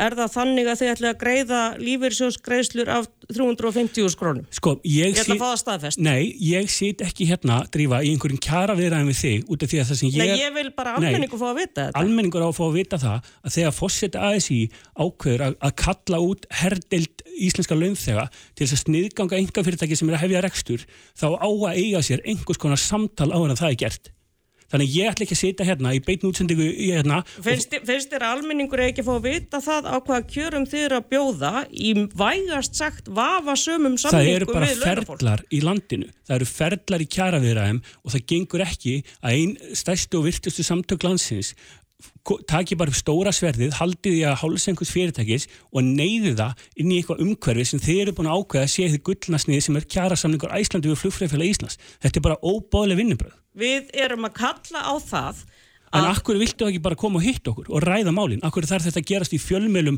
sko, með einhverjum einhlega stríðseglýsingum? Þetta er bara ófaglegt. Já, við höfum viljað hitt ykkur með kjarasamning á borðinu og við skulum alveg Drífa, hafa það á alveg- að þú ræður því ekki hverjir mæta til fundar fyrir hönd ASI. Þannig ætlum við að fá okkar helstu sérfræðinga í kjarasamningu flugliða og það er fulltrúi flugfröðufélags Íslands, formaður þess sem við setjum í miðstjórn ASI, setjum núna í varamiðstjórn ASI og auðvitað tökum við með okkur okkar helstu sérfræðinga. Ég- Og ég veistu það Birgir, ég verð að segja það að ég væri fyrsta manneskjan til að kaupa mér flugmiða með play ef að þið myndu gera þetta almennlega og semja við almennlegt flugfélag gera almennilega kjærasamninga var almennilegt stjættafélag, gera almennilega kjærasamninga og vanda sig bara við þetta af því að ég myndi vera fyrsta manneskja til að fagna samkjöndi að en er að- svona aðför að, að gera einhverja óljósa samninga við eitthvað óljóst félag þar sem er ekki vinnandi fólk sem samþykir þennan samning og það verður enginn geta svara með því hvernig þessi samningur er tilkomin að það er ekki bóðlega vinnubörðu, það er ekki bara aðföra þessari stjætt heldur aðföra öllum íslensku vinnumarkaði. Ok. og þess vegna stígum við mjög já, fast já, í jarðar. fyrsta lagi velkomin borð, þú bara við tökum fagnandi á móti þér og öllum þínum félagsmjölum sko fulltrúi flugfröðufélags Íslands, hvort sem hann er einhverju miðstjórn eða ekki, erna, á ekkert erinda á þessu fundi, alveg eins og ég hef ekki vita til þess að þú hefur tekið formann FIA, félags Íslenska atvinnumflugmanna inn á svipaðan fund að ræða kjör flugmannaplay.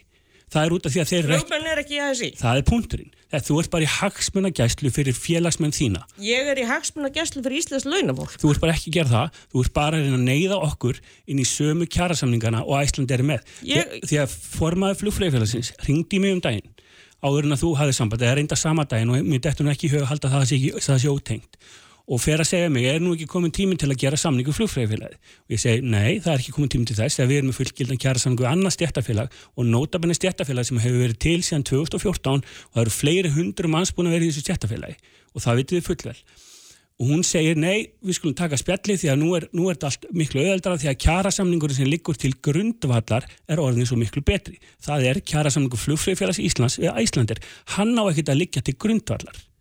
Ég ætla, ég ætla aðeins að fara að bregðast við þessu. Þú segir að í FÍA hafi verið uh, mörgundur manns uh, í já, Uh, við skulum aðeins fara yfir söguna. Þetta er gamla stjættafélag flugmanna hjá áver. Uh, síðan er hérna, samþyktu þessa félags breytt, þannig að allt í hennu fangar það líka flugfröður og flugliða. Síðan er gerður kjærasamningur áður en okkur flugfröður ráðin inn til félagsins að okkur vitandi. Uh, þannig að þetta, sko, við veitum ekki á hvaða fórsetu, við veitum ekki hver samþykta þessa samninga, við veitum ekki hver er. Þið Uh, hljótið það læðist spurt að manni þess- sá En drífa þú hlýtur á að spurta þess að þú hittir Já, já, eins og ég sagði, ég, ég satt eftir þann með fleiri spurningar. Með Er fleiri spurningar Nei, er er þetta- er þetta bara ekki til? Það hvað- hvað- læðist að manni sá grunnur Mm. að þarna sé uh, skúfu stjættafélag hjá Play uh, sem samið er við. Ok, það læðist já, að henni já, sá já, er en þetta eru 130.000 félagsmenn. sa- er þetta félag? Það er hverki í umræðinni. 130.000 mann sem eru félagsmenn þínir drífa, sem þú ert að kalla á núna og segja sni, sniðgangi þetta félag mm. Ákallar alltaf lífeyrisjóði landsins og aðra fjárfesta sniðgangar þessa félags að því að læðist að þess á grunur við ekki eiga þetta samtal, viltu ekki kynna þér hans máli eru þetta er fagleg að gera vinnubröð þetta? Á- Veistu Já, á bara mjög er gera forsendum. þetta? Ert bara mjög er ófaglega þetta? Ég ætla bara að skýra það. Við erum með kjærasamning hérna fyrir framann okkur. Það er óljóst við hverja þessi kjærasamningur er gerður. Uh, hvort það er vappið að play, það er svona misjánt hvað stendur í þessu kjærasamningi. Uh, þessi kjærasamningur uh, byrtir grunnlaun sem að þú þorir ekki að staðfesta hérna sem eru langt und, undir því sem ger- gengur að gerast á íslensku vennumarkaði. Þetta er bara orðnir Það er sko. algjörlega óljóst hvaða félag þetta er og síðan er eitthvað forgásettar ákveð hérna og ég vil líka segja það Birgir, af því að þú neytar að eiga samtali flugfröðufélag Íslands sem er út af mjög merkilegt það sem er mjög merkilegt út af hverju ætti að gera það Að- við erum við ég sambandi að við það félag svolítið, Nú ætla ég að segja það svolítið En byrju, er Eh, einhver skilda fyrir hann að semja við flugfröðufélag Íslands? Nei, nei, það er, Nei. það, Ég það segi er það, ekki ég- skilda að semja um bara- flugfröðufélag bara- Íslands og ég hef ekki haldið drífa. fram En af hverju á ég hann þá að eiga samtal við það? Þau óska eftir samtali og hann Já. er svo mikið tilbúin í samtal við þig uh, Já, það er Ekki skilda. Ekki Það er engin flugfreyjufélagið. skylda. Við ASI, flugfröðufélag Íslands er í ASI. Þú ræður því ekki hver mætir á fund fyrir hönd ASI. Þú getur ekki sett slík skilirði, ekki frekar ég er að setja skilirði það hverju mæta fyrir hönd play á fund með ASI. Nei, en er þetta allt á ég því að að, að við séum bara mestu ég ætla- þrælasala landsins Ég ætla að segja þér þetta, er, eitt. þetta er bara algjör útusnúningur Ég ætla að segja þér eitt, Birgir, að hérna, þið eru að, að hérna, óskæfti því og, og eðlilega vil ég fá uh, starfsfólk sem eru unni hjá Váer til ykkar starfa, ekki satt. Uh, flugliða sem eru unni hjá Váer sem eru þjálfaðir og svo framvegis. Ég held að það viti það engin betur heldur en flugliðar á Váer hvað það skipti gríðalögu máli að vera í sterku stjættafélagi í sterkum heldasamtökum. Af því þegar Váer fer á hausinn að þá er það flugfröðufélag Íslands og ASI sem hleypur undir bakka þegar fólk á ekki uh, salt í gröðin uh, þegar það fer allt á hausinn. Uh, þið getið ekki ákveðið það í hvaða stjættafélagi fólk er. Það er lögbrot að fyrirtæki hlutist til um starfsemi stjættafélag, Mhm. lögbrot. Það er bara annar- annari grein vinnur rétt að lagana. Uh, þeir flugliðar sem hafa verið hjá Váer og fara inn til play, þeir hafa mjög ríka hagsmunni að því að ganga í flugfræðufélag Íslands. Af því að þá endurvekja réttindi sín, uh, endurvekja réttindi í orlófsjóði, sjúkrasjóði, uh, fræðslusjóði og svo framvegis. Uh, þannig að það er bara tímaspursmál hvenar þú þart að setjast niður með flugfræðufélag Íslands. Og það væri bara hreinlegast að gera það núna af því að það er sterkasta félag sem að fluglegar og flugfröður hafa aðganga, það er alvöru stjættafélag með þekkingu til að gera hlutina rétt og eina stjættafélagið að, þeim toga hérna á Íslandi. Uh, þannig að það er bara algjörlega tímaspörsmál hvernig þú sést niður og, og sko ef að þið ætlið að um, komi veg fyrir það Hver er að gera það? beina Hver er að fólki gera það? í eitthvað annað flug, En nú ertu bara að gefa þér eitthvað sem þú veist ekkert um. Já, Hver er já, að ég er gera bara að þetta? lesa samningin með einhvers konar forgansættar ákveði sem stendst náttúrulega enga skoðun sko. Birgir, frá þínum bæðurum, hver, hverjir eru í þessu stjættufélagi? Hvernig er það skipað? Sko, ég meina þetta stjættafélag, enn og aftur, hérna erum við komin í einhverja algjör hártónir. Þetta stjættafélag er búið að vera til síðan 2014. Þetta hafa verið starfsmenn vá. Ef að, ef að, ef að, hérna, ef að drífa heldur það og henni finnst það sem fórsett aðeins í að, að stjættafélagi hafi eitthvað samið af sér og hún geti komið og útskipt fyrir þeim og hún geti hækkað og breytt þeirra kaupum og kjörum, þá ætti það samtala eiga sér að staða milli ASI og þessa stjættafélags í staðin fyrir að ráða svona fram með gjössana einlega yfirlýsingum. Veist, hérna ertu bara, þú ert bara basically að segja það að, að, að, að starfsmönnum okkar sé betur borgið innan flugfríðfélagsins. Er það samtal sem á að eiga sér stað í beinni útsending á bylgjunni undir þeim skugga að þú sé búin að kalla út hérna, alla laun það Íslands til að sniðganga eitthvað, Star, engafyrirtæki? starfsmönnum ykkar er ekki vel borgið á þessu kjærasamlingi. Ég get sagt þér það. Er- en- og það er er ekki ekki bara þannig stunda fyrir það að, kaup og kjör séu lærri í þessu ekki samlingi heldur að sérst hefur, heldur að hvergi minnst á orlofsjóði, fræðslusjóði, sjúkrasjóði, endurhefingasjóði og svo framvegis. Drífa, þetta Eh, er rangt. Allt, öll þessi Já, kjör bíddu, hann er að segja sem vinnandi fólk Já. er búið að berjast fyrir áratugum saman. Það er bara skrala niður og það er engum launafólki í landinu Birgi að vera þessu samningi Já, og þetta er honum að svara aðförð af þessu. öllum samningum. Sko þetta samtal ætti að eiga sér er, er þetta, þú sagðir að þetta væri rámt. Þetta væri allt saman að inni. Er það, er það sem sagt rétt skilja á mér að þetta sé alltaf að inni? Já, sko, það sem að við erum hérna til að tala um er þessi aðför, ekki einhverja kjaraviðrar, því að þær eiga sér bara, eiga sér stað bara á stáðastund innan venjulegra ferla á samningafundum. Ég er að við fengi þessa ferla. Þú ert að gera það, Já.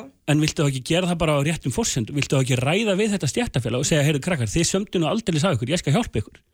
Vi, við rættum við stjættafélagið í fyrra, þau neituðu aðfind okkur samningin og eins og ég segi, ég satt eftir með fleiri spurningar heldur en svör. En af hverju og hefur þá- þetta stjættafélag er hvergi í þessari umræðu núna. Það er enginn að verja þennan samning nema play, nema atunreikatundir og það segir nú sína sögur. nei, Já, það þú segir hefur náttúrulega nákvæmlega beint þá spjótið sögu. þínum að play en ekki stjættafélaginu. Verður við ekki að viðurkenna það að þú hefur ekki hvart fólk þess að sko- sniðganga stjættafélagi heldur fyrirtæki þannig að það tæki til varna en ég finnst það nú í Já, já, að hafa upp á þessu stjættafélagi sem er bara að fara í fyrir. eitt útilokkar ekki annað í þessu, það er alveg, alveg hárið. En ég skal líka segja það að það er náttúrulega ekkit, það er ekkit léttvægt þegar miðstjórn alþjóðisabasis uh, samþykir það, samhljóma að sniðganga playa, hvetja til sniðgöngu, það gerum við ekkit bara svona gannu okkar. Ég get alveg sagt það og þess vegna lítum við á það að þetta er aðför að öllu vinnumarkaði. Hvernig þessi samningur er til komin, innihald þessa samnings og ég segi bara ef við látum þetta viðgangast og tökum ekki mjög harkala á móti, hvaða stjættur eru næstar? Voruð þið búin að sjá samningi þegar þið samþýttu þetta? Þú varst að segja mér að þið varu nýbúin að fá samningin. Við samþýttum þetta í kjölfar þess að við sáum samningin. En Birgir, það, það er náttúrulega grundvallratrið alltaf í svona samfélagi eins og okkar að hérna, við, við stefnum að því að vera samfélag sem borgar góðu laun. Við viljum vera það. Við viljum Og- og vera og erum samfélag. Og þú, já, einmitt nákvæmlega. En þú þarft þá líka fullvisa mig og alla aðra sem eru að hlusta um það að þið ætlaði að gera það. Já. Og þetta sé ekki rétt hjá drífa því sem einhver 260 svona launapakki grunnlaun. Það er hljómar ekki, þú veist, þú fyrirgefur bara sem almennum hlustandi það bara hljómar ekki vel. Hann er 350.000, Hann er það. hann er það. Það Getur, getur staðfest það að grunnlaun séu 350.000 og af þessu grunnlaunum 350.000 krónum er greitt í lífið sjóðu öll, öll önnur yggjöld. Getur þú staðfest það að lægsta talan á launatöflunni eins og samning hjá Íslandi sem ég ekki séð sé 210.000? Ég get staðfest það að först mánu laun, grunnlaun fyrir nýliða hjá Æsland er 307.398 krónur. Á sömu fórsendu get ég staðfest að það er 350 hjá okkur. 350.000. Já. Ertu Tryggð- þá að segja að þetta sé tryggð- samningu sem ég er með á borðinu? Ég er að Ertu að segja að það sé ég er að samningu sem se- ég er ég með er að fyrir frá segja það að þú ert að snúður. Ertu að segja að það sé þurfum samningu að- sem ég er með á borðinu? Nei, byrju, sko, það sem er fyrir okkur sem stöndum fyrir utan að það var alltaf mjög skrítið að við getum ekki rætt launakjör á vinnumarkaði annars að þurfa að fara að hólfa þau nýður í einhverja hluta hvað er skór, hvað er, hvað eru lífeyriskreislu, hvað er eitthvað annað Já. hvað er sölutrygging hvað er ferðatrygging og svo framvegis Menna, er ekki bara þetta að borga laun og segja hver þau eru? Jú, það var Það mjög æskilegt. Já, ég meina, en laun Æslandir eru líka svona samsettur, já, þau eru bara nákvæmlega svona samsett líka, laun, þannig að laun þegar þú eru ert að mjög, mjög flókin Já, samsetning já. í fluggeranum uh, en Þannig að þegar þú ert að taka tölu þá verður þú líka að vera viss um það að hún sé nákvæmlega eins samsett og hjá play. Já, já, við byrstum það, við 100% á því. byrstum það yfirleitt Först mánalaun, Mhm. grunnlaun og við tökum hérna nýliða annars vegar og síðan tökum við fólk með 5 ára starfsaldur hins vegar. Mhm. Þessar tölur hafa ekkert verið viðfengdar. Uh, Jú, það stendur að það eru Þetta samtal á að eiga sér stað á samningafundi hjá einhverjum stjættafélugum. Þetta er ekkert þessi máli snýst um. Þú segir að miðstjórn ASI þetta sé mjög alvarlegt mál. Miðstjórn ASI fór bara fram úr sér. Hef- þið hefðu bara að skoða máli betur og eiga samtal. Og ef að niðurstaðan og því samtali hefði sem verið, hefur þetta likur fyrir svona, er þetta, þetta eru staðrindirnar þá hefði þið alveg geta komið þessa eiginlýsingu Ég skilur, af því við viljum ekki eftir- hafa svona kjör í okkar Ég, ég samfélagi. óska eftir samtali við þig Birgir og þú fórst að gera kröfu um það hverju myndi sitja þennan fund. Og enn og aftur segi ég, það er ekki þitt ákveða hverju sitja fundin og í því fælst líka hvort að ég ætti að hafa einhvern trúnað gagvart flugfröðufélag Því fel- Íslands. ég hefði náttúrulega í aldrei, aldrei kvitta upp á Það nokkuð bara ekkert í því og nú ertu farin að og tólka eitthvað annað sko. Ég sagði bara við erum tilbúin að setja snýmum því að hvena sem er og við fórum að tala saman í póstunum ef að heita á þriðdægin eða eftir þriðdægin eitthvað svona. Veist, ég sagði síðan ég, við ætlum ekki að setja snýmum fulltrúa FFI því að veistu hvað með hvernig vinnubræðin hafa síðan komið í ljós veistu hvað verið þá næsta svar ykkar? Það verið að ef að ég hefði verið vilja taka hana fund þá hefði drífa sagt heyrðu við áttum hérna vinnufund með play eða fyrsta samningafundin eða eitthvað þeir slitu viðræðunum þeir dróðu svo út. Þetta er bara allt eitthvað svona leikur af, Veitu, Hvað ert að leggja mér orði í munn hérna? Já, ég, þú ert bara einhlega, með einhlega eiginlýsingar og við tæklum En, þetta en bara þetta Birgir, samtal getur þú þannig. svara með því, svona áður en við ljúkum Mm. uh, við hverja, hverju undirritaði hennar samning og hvernig er hann tilkomin? Sko ef að þetta félag, þetta IFF stjættafélag væri svona mikið handbendi Var mitt, þetta, var þetta samningu við flugfröður? ef að þetta félag væri svona mikið handbendi mitt, þá hefðu þeir komið hérna inn í umræðin í vikunni og hjálpa mér að taka til varna, þannig að þeir eru ekki meiri strengja Er þessi en það. samningu gerðu við flugfröður? Hann er gerð við þetta stjættafélag. Er einhverja flugfröður í þessu stjættafélagi þegar hann er gerður? Spurðu þetta stjættafélag að því. Ég held að þetta sé nú bara, hérna, lýsum segi eftir þessu. meira en mörg Já. orð. Við lýsum eftir þessu stjættafélagi og hérna, en ég svona fyrir mína höndu og annar vandamenn svo sagt, ég lýsi nú bara eftir því að þið hittist utan þessar Bara hljóðis og hvenær ræðið er. saman og hérna Hvenær sem er. og Á, leysi á þeim ágrinning fórsendum að þessi þá hægt að gera almennilega kjara samninga. alveg öruglega, en þarna ég held að það sé bara best Er það ekki bæðið Bara takk hjá fyrir takkifærið. Jú, Birgir og hérna Drífa, takk fyrir að koma bæðið til Uppspretta frétta á Sprengisandi á Bylgjunni. Með þér alla daga. Bylgja. Sprengisandur á Bylgjunni alla sunnundasmórna Sælir afturlustundur, þau eru farin frá mér hér eftir. Hressilegar umræðar heldur mér svo átt að fullir það Birgir Jónsson, fórstur í play og Drífa Snædal, fórstur í ASI og við skulum nú vonað að þau náu nú saman um þessa um þessa hluti þegar þau svona þegar þau hérna nálgast þetta yfirverjum sem hlýtur að gerast núna á næstunni. Og sé nú mitt kannski sérstaklega að segja til um það. En hvað um það? Ég ætla að ræða þess hérna um, um áfengi. Gerir það nú ekki oft en, hérna uh, tilefnið er auðvitað það að nú er hér farin á stað uh, vefverslun sem að hérna reikin er hér af Íslandingi á Íslandi en staðsett í Fraklandi að minnstu hósti svona að forminu til Arna Sigursson sem er innflytjandi er hérna hjá mér á steinu Þóra Adnandóttir sem er þinkona Vafge uh, Sælblessi bæði og velkomin. Takk. Arnar, þú, þú rekur hérna eh, verslun út á Granda. Uh, hérna flyttur inn svona það sem hún kallar handverksvín sem er þá vín sem er ekki fáanleg í þessum stóru, á þessum stóru útsælstöðum er svona, þú leiðir eftir minn ef ég fer með eitthvað ránt og þarna, og ert jafnframt með vefverslun þar sem þú þar sem maður getur keft vín og fengið aðfendaginn eftir þannig að það er auglust að er ekki að flytja um langan veg Já. og hérna, þetta er einhver tilinn á þinni hálfu held ég til þess að svona reyna að brjóta upp þessa stöðu sem er á markanum er það ekki eða hvað? Jú, kannski bara leiðir þetta aðeins þarna hjá Já, gerðu að ég ræki vestlunina út á Granda, vestlunin er uh, reynda rekin á uh, netinu í skíinu, sem sagt er erlend og Já. greiðslugáttin er erlend, þannig að uh, hver skipti sem einhver greiðir þá er það erlendur fæsluhyrðir sem Gott að vera, en þú ert allavega staðsettur út á Granda Jú, jú, Já, jú, jú, uh, fyrirtækið. Það er einhver lagar. Já, Já, já, þannig að það er, það er afgjörslan er, er, s- já, Já, er það- nánast samstundis. Já, já. Hver, hver, af hverju ertu að, hérna, hvað vakið fyrir þér? Jú, uh, þessi uppsetning er einfallega bara til þess að uh, starfseminn sé í samræmi við lögin en ekki, ekki til þess að, að sniðganga þau með nokkur nátt og nokkur, nokkur leiti. Þannig að uh, þannig er einfallega bara verið að, að uh, veita uh, hérna íslenskum almenningi aðgangað góðri vöru og góðu verði og, og, og sem sagt uh, lægri kostnaði heldur en, geglar, heldur, heldur en í bóði er og, og þetta er nú ekkit sko ábærslega flókið. Þetta er nú bara algengi bjórtegundir þar sem að það sem að neytandinn borgar sko fyrir þrjárkipur en, en, en fær fjóruðu þá frýtt sko, í svona, En í í grunni er þetta þannig, ef ég skil þetta áfengiskerfi rétt, að ég get farið á morgun og keift mér vín í gegnum bandaríska vefverslun og, og hún flyttur það til landsins og ég, ég borga það svo en munurinn á þér og henni er sá að þú ert sjálfur staðstu hér með lagarinn hér þó að þín, þín verslun sé skráð annar staðar, er það ekki Jú, jú. stóri munurinn? Jú, jú. Og hérna, Jú, og, hér- já, og, En þú getur vestlað á Amazon Já, já.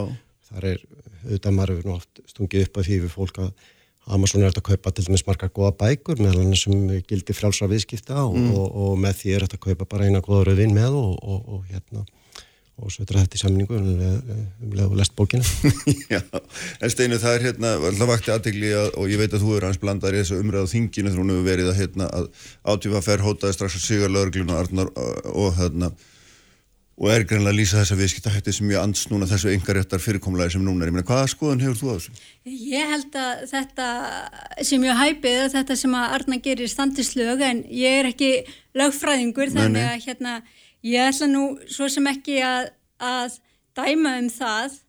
Uh, það sem að mér finnst skipta máli þegar við ræðum um uh, fyrirkomulagið sem við erum með í kringum áfengisölu á Íslandi að þá finnst mér skipta máli að öll ríki held ég allstæðar í heiminum eru með einhvers konar reglur varðandi það hvernig áfengi er selt vegna þess að allir átt að segja því að hér er, er ekki um hverja aðra neysluvöru að ræða og uh, alls þegar helbriðismálastofninin og fleiri hafa bent á það að aðgengið að vörunni er eitt af því sem að hefur svo stór áhrif þegar að kemur að neyslunni.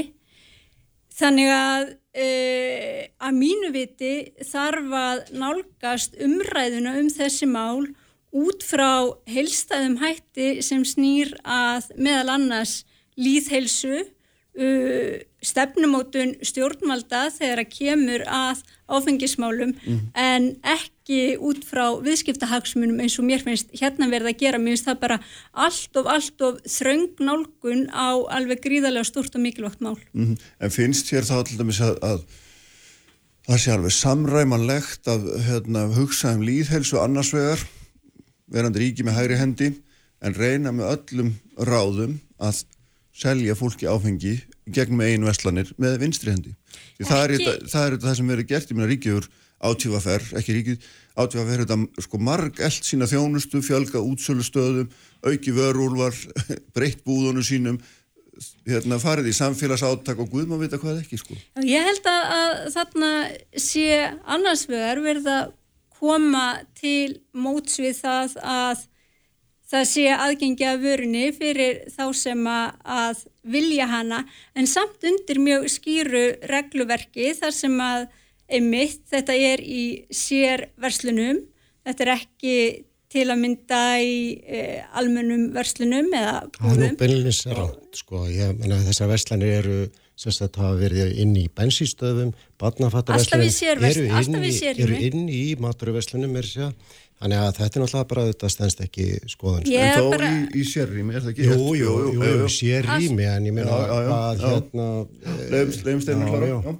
Nei, bara þetta er einmitt það sem skiptir máli, alltaf í sér rými, þar sem að, að þú þarft að gera þér sérferð Mhm. inn í það rými, en þetta er ekki það sem að þú ert bara að kaupa mjölkina og, og brauðið í Mhm. matinn. Já, kannski bara skjóta því einn að, að sko, hérna, eh, nú ger ég fastlega ráð fyrir því að, að, að flest hérna inni hafi, hafi, hafi til dæmis farið í gegnum leifstöð. Það er alltaf talað um átöðaferð sem, eh, og átöðaferð sjálf tala, talar um að átöðaferð sem engasölu. Það er náttúrulega alls ekki rétt. Mhm. E, Í leifstöð er til dæmis reikin e, e, mjög umsöða mikil áfengisverslun e, og þar byrtist e, líðheilsu stefna hins ofinbera í framkvæmt. Það sem að búið er að til dæmis að breyta e, leifstöð í einn allsherjar áfengis ránkala, það sem að menn flétta saman með afar smekklegum hætti, leikföng, salgæti og snirtiförur, allt umvafið áfengis auglýsingum. Nú uh, ef að veiklundaðir falla þá ekki við það að lappa þannig gegn þessi svona áfengis svipugöng að nú þá tekur á móti þegar að fólk kemur inn í landið hreinlega sko í með smökkunarborð það sem að, að ég mér sé að stóða á því hér fyrir nokkrum árum síðan we want you to taste Mhm. Eh, nú ef að eh, þa þar eru til dæmis setur hið opinbera, raðar hið opinbera eh, sjúsaglösum og, og gefur öllum að smakka frýtt, það er engin að kanna áfengiskaupa aldur, eh, allt er bara opið. Og meiri sé að var það nú þannig að, að ef að börnin náðu nú ekki upp á borðið þá var nú fótstig undir til þess að, að stiga þar upp og Og ná, þannig að, að, Þú gefur sérst ekki mikið fyrir áfengis Nei, þessi, þessi hérna og talandi um þetta sem viðskipta hagsmunni já, sko eh, ég meina, eh, ef við horfum bara á rekstur átíðaferð þá kostar þetta uh, óindis veslunar fyrirkomula uh, borgir meirinu minna en átti 5 miljardar að reyka þetta. Og uh, þessi 5 miljardar þetta er nú bara alveg ágætist tala. Eh, Það ég, kemur nú eitthvað inn á móti, eh, eitt, eitt, já, býtu, býtu, Já. einhver hlýtur að borga þennan rekstur. Og sá einhver er einfalla bara íslenskur almenningur. Nú, annað er að eh, verðlaga á áfengi á Íslandi er augljóslega 20% of hátt og það er bara mjög einfalt að sína fram á það. Og e, þetta svo upphæð nefnir bara hátt í 7 miljardum ári. Og e, nú áfengi viktar inn í vísturinn neysluverðs. Og e, hvert 0,1% í vísturinn neysluverðs e, sem sagt verðtröða skuldir landsmanna nefn er einhverstað norðan við 2000 miljardar Þannig að þetta eru 20 miljardar tilflýtningur. Þannig að sko talandi um þetta sem einhverja sko viðskipta hagsmunni og eitthvað slíkt, sko þetta eru náttúrulega bara mjög ríkir almanna hagsmunir að e, innleiða bara eðlilega viðskipta hætti með þessa mm neysluvöru. Já, svo lega steinabræðastu. Já, mér langar að bakka aðeins af því að uh, þú talaður um leifstöð hérna áðan. Mér finnst ekki hægt að líka leifstöð við hverja aðra verslun í landinu því að það e, eiga svo sannarlega ekki allir alltaf leiðum leif, leifstöð í sína, sínu daglega lífi og mér finnst þetta ekki snúast bara um það sko þú talaður um að hættan á því að fólk falli, jú, hún er vissulega öruglega meiri þegar að áfengi er verið að halda því mjög þjætt að þér. En í mínum huga snýst þetta líka um það Og hvað gerir þá í opinbera Býtu, mér að klára. Heldur snýst þetta líka um það uh, hvaða skilaboð við erum að senda út í samfélaginu einmitt til meðal annars barna og unglinga. Og þar finnst mér einmitt skipta svo miklu máli að með því að hafa áfengi í sérstökum verslunum sem að hér, hérna eru á vegum ríkisins, þá erum við að senda mjög skýr skilabóðum það, hérna er ekki um hverja aðra neyslu vöru að ræða, heldur vara sem að við teljum að eigi að fá sérstaka meðundlun En út af því. nú, nú er þetta þannig að við getum sagt, hérna, líka keift áfengi svo víða annar staða frá í gegnum netið mitt. Þannig að ríki ræður nú ekkit meira en svo yfir þessu markaði að hann er í grunninn opinn ef þú ert bara tilbúin að skipta með einhvern sem býr annar staðar en hér. Ég meina hver er munurinn á, á því fyrir mig að skipta við Arnar eða skipta við einhvern út í Fraklandi hann, sem að víni hans kemur, ég meina breytir þetta einhverju?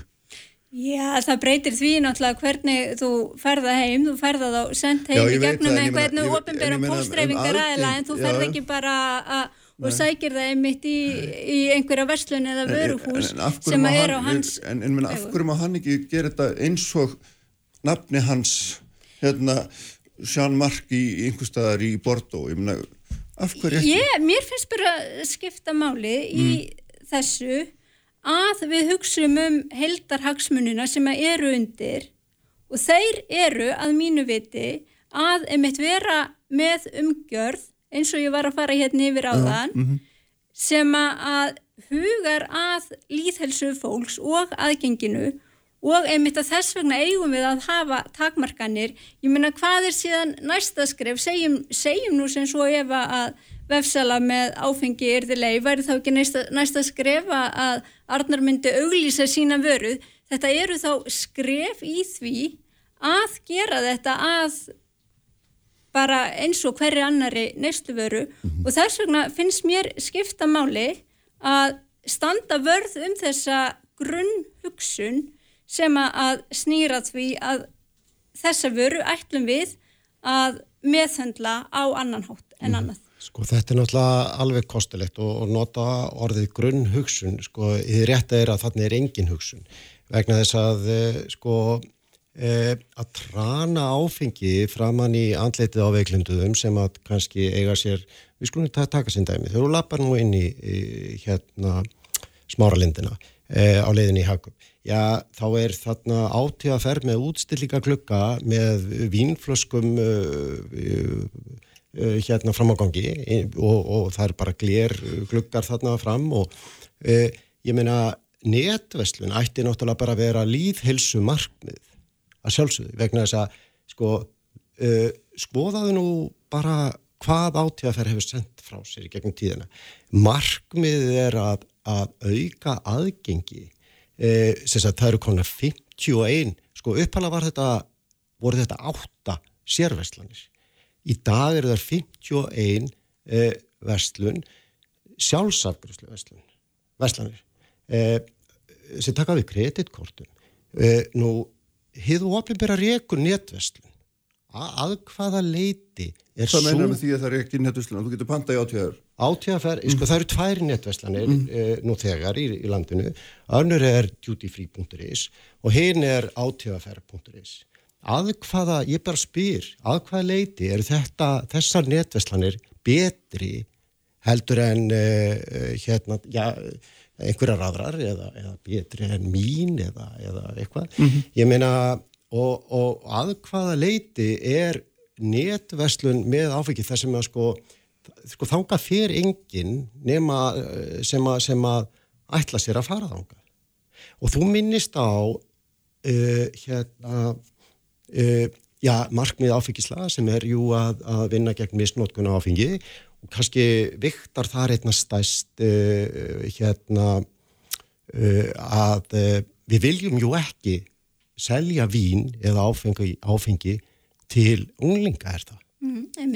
Nei, en, en, en þú ætti kannski, eða þið ætti kannski að kynna ykkur þá aðeins, hvernig þetta að þessu staði. Eh, ég veit að við getum kannski ekki sínt hlustendum uh, það, en ég ætla að lefa þeirra að skoða bara skjá, útprentun og skjáskoti. Annars vegar hvernig 19 ára unglingur uh, kaupir vín á versiðu átjáðferð.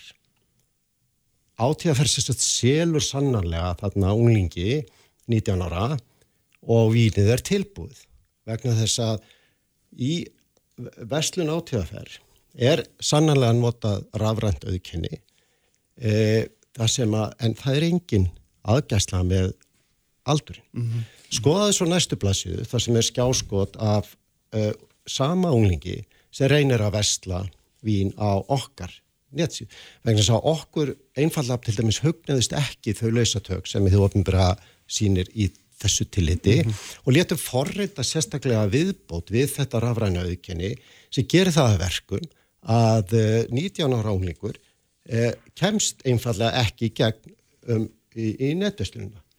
Mm -hmm. eh, ég meina sko Já. það er eiginlega sko áður með fólk fyrir að tjá sig um svona hluti það var ágætt að kynna sér og, og það er auðvitað þannig að ég meina þú, þú myndist á áðan hér að e, með alþjóða heilbreyðsmálstofnun og, og, og landlækni og eitthvað svona þetta, vitnaði í þetta aftur og aftur e, en sko hefur eitthvað tíma lesið þessar skýslur að, sko, það skýslur sem eru laðað fram hjá landlækningssambættinu hafa vilt svo til að ég hef lesið þar allar hver einustu.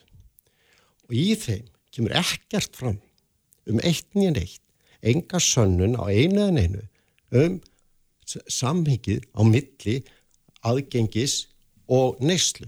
Og við skulum bara horfa á þá einfældu tölulegu staðarinn að áfengisneysla í löndum það sem að uh, einogunarverslanir eru við líði hefur verið uppleið en áfengisneisla í löndu þar sem að, að uh, mm -hmm. viðskiptafrælsestir staðar hefur farið nýður.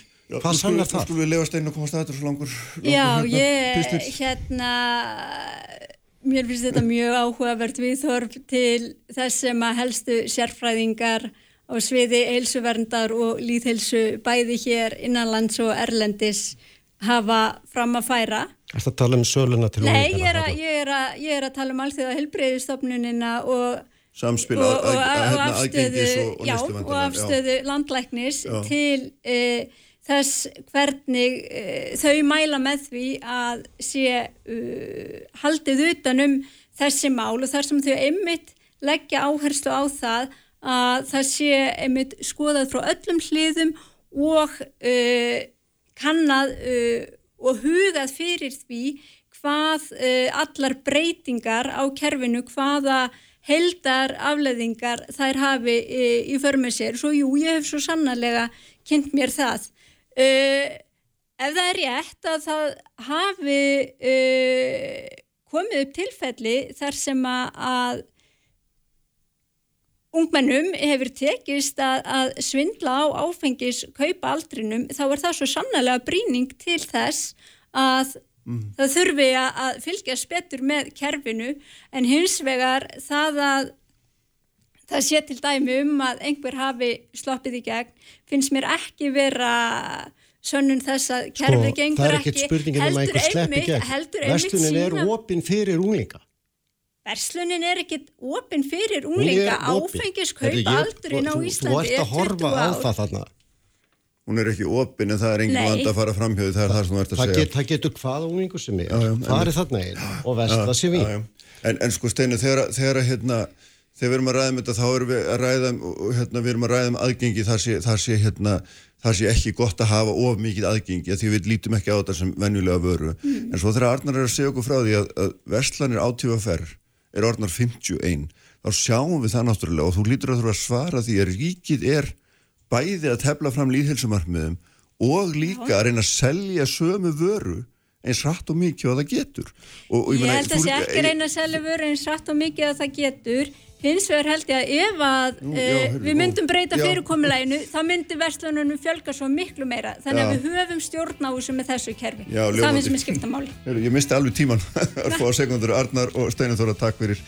Sprengisandinu loki í dag. Við erum hérna. Og ég er aftur með ykkur eftir viku ásand ég var í dag við sem að stýri útsendingu. Eins og æfinlega verið sæl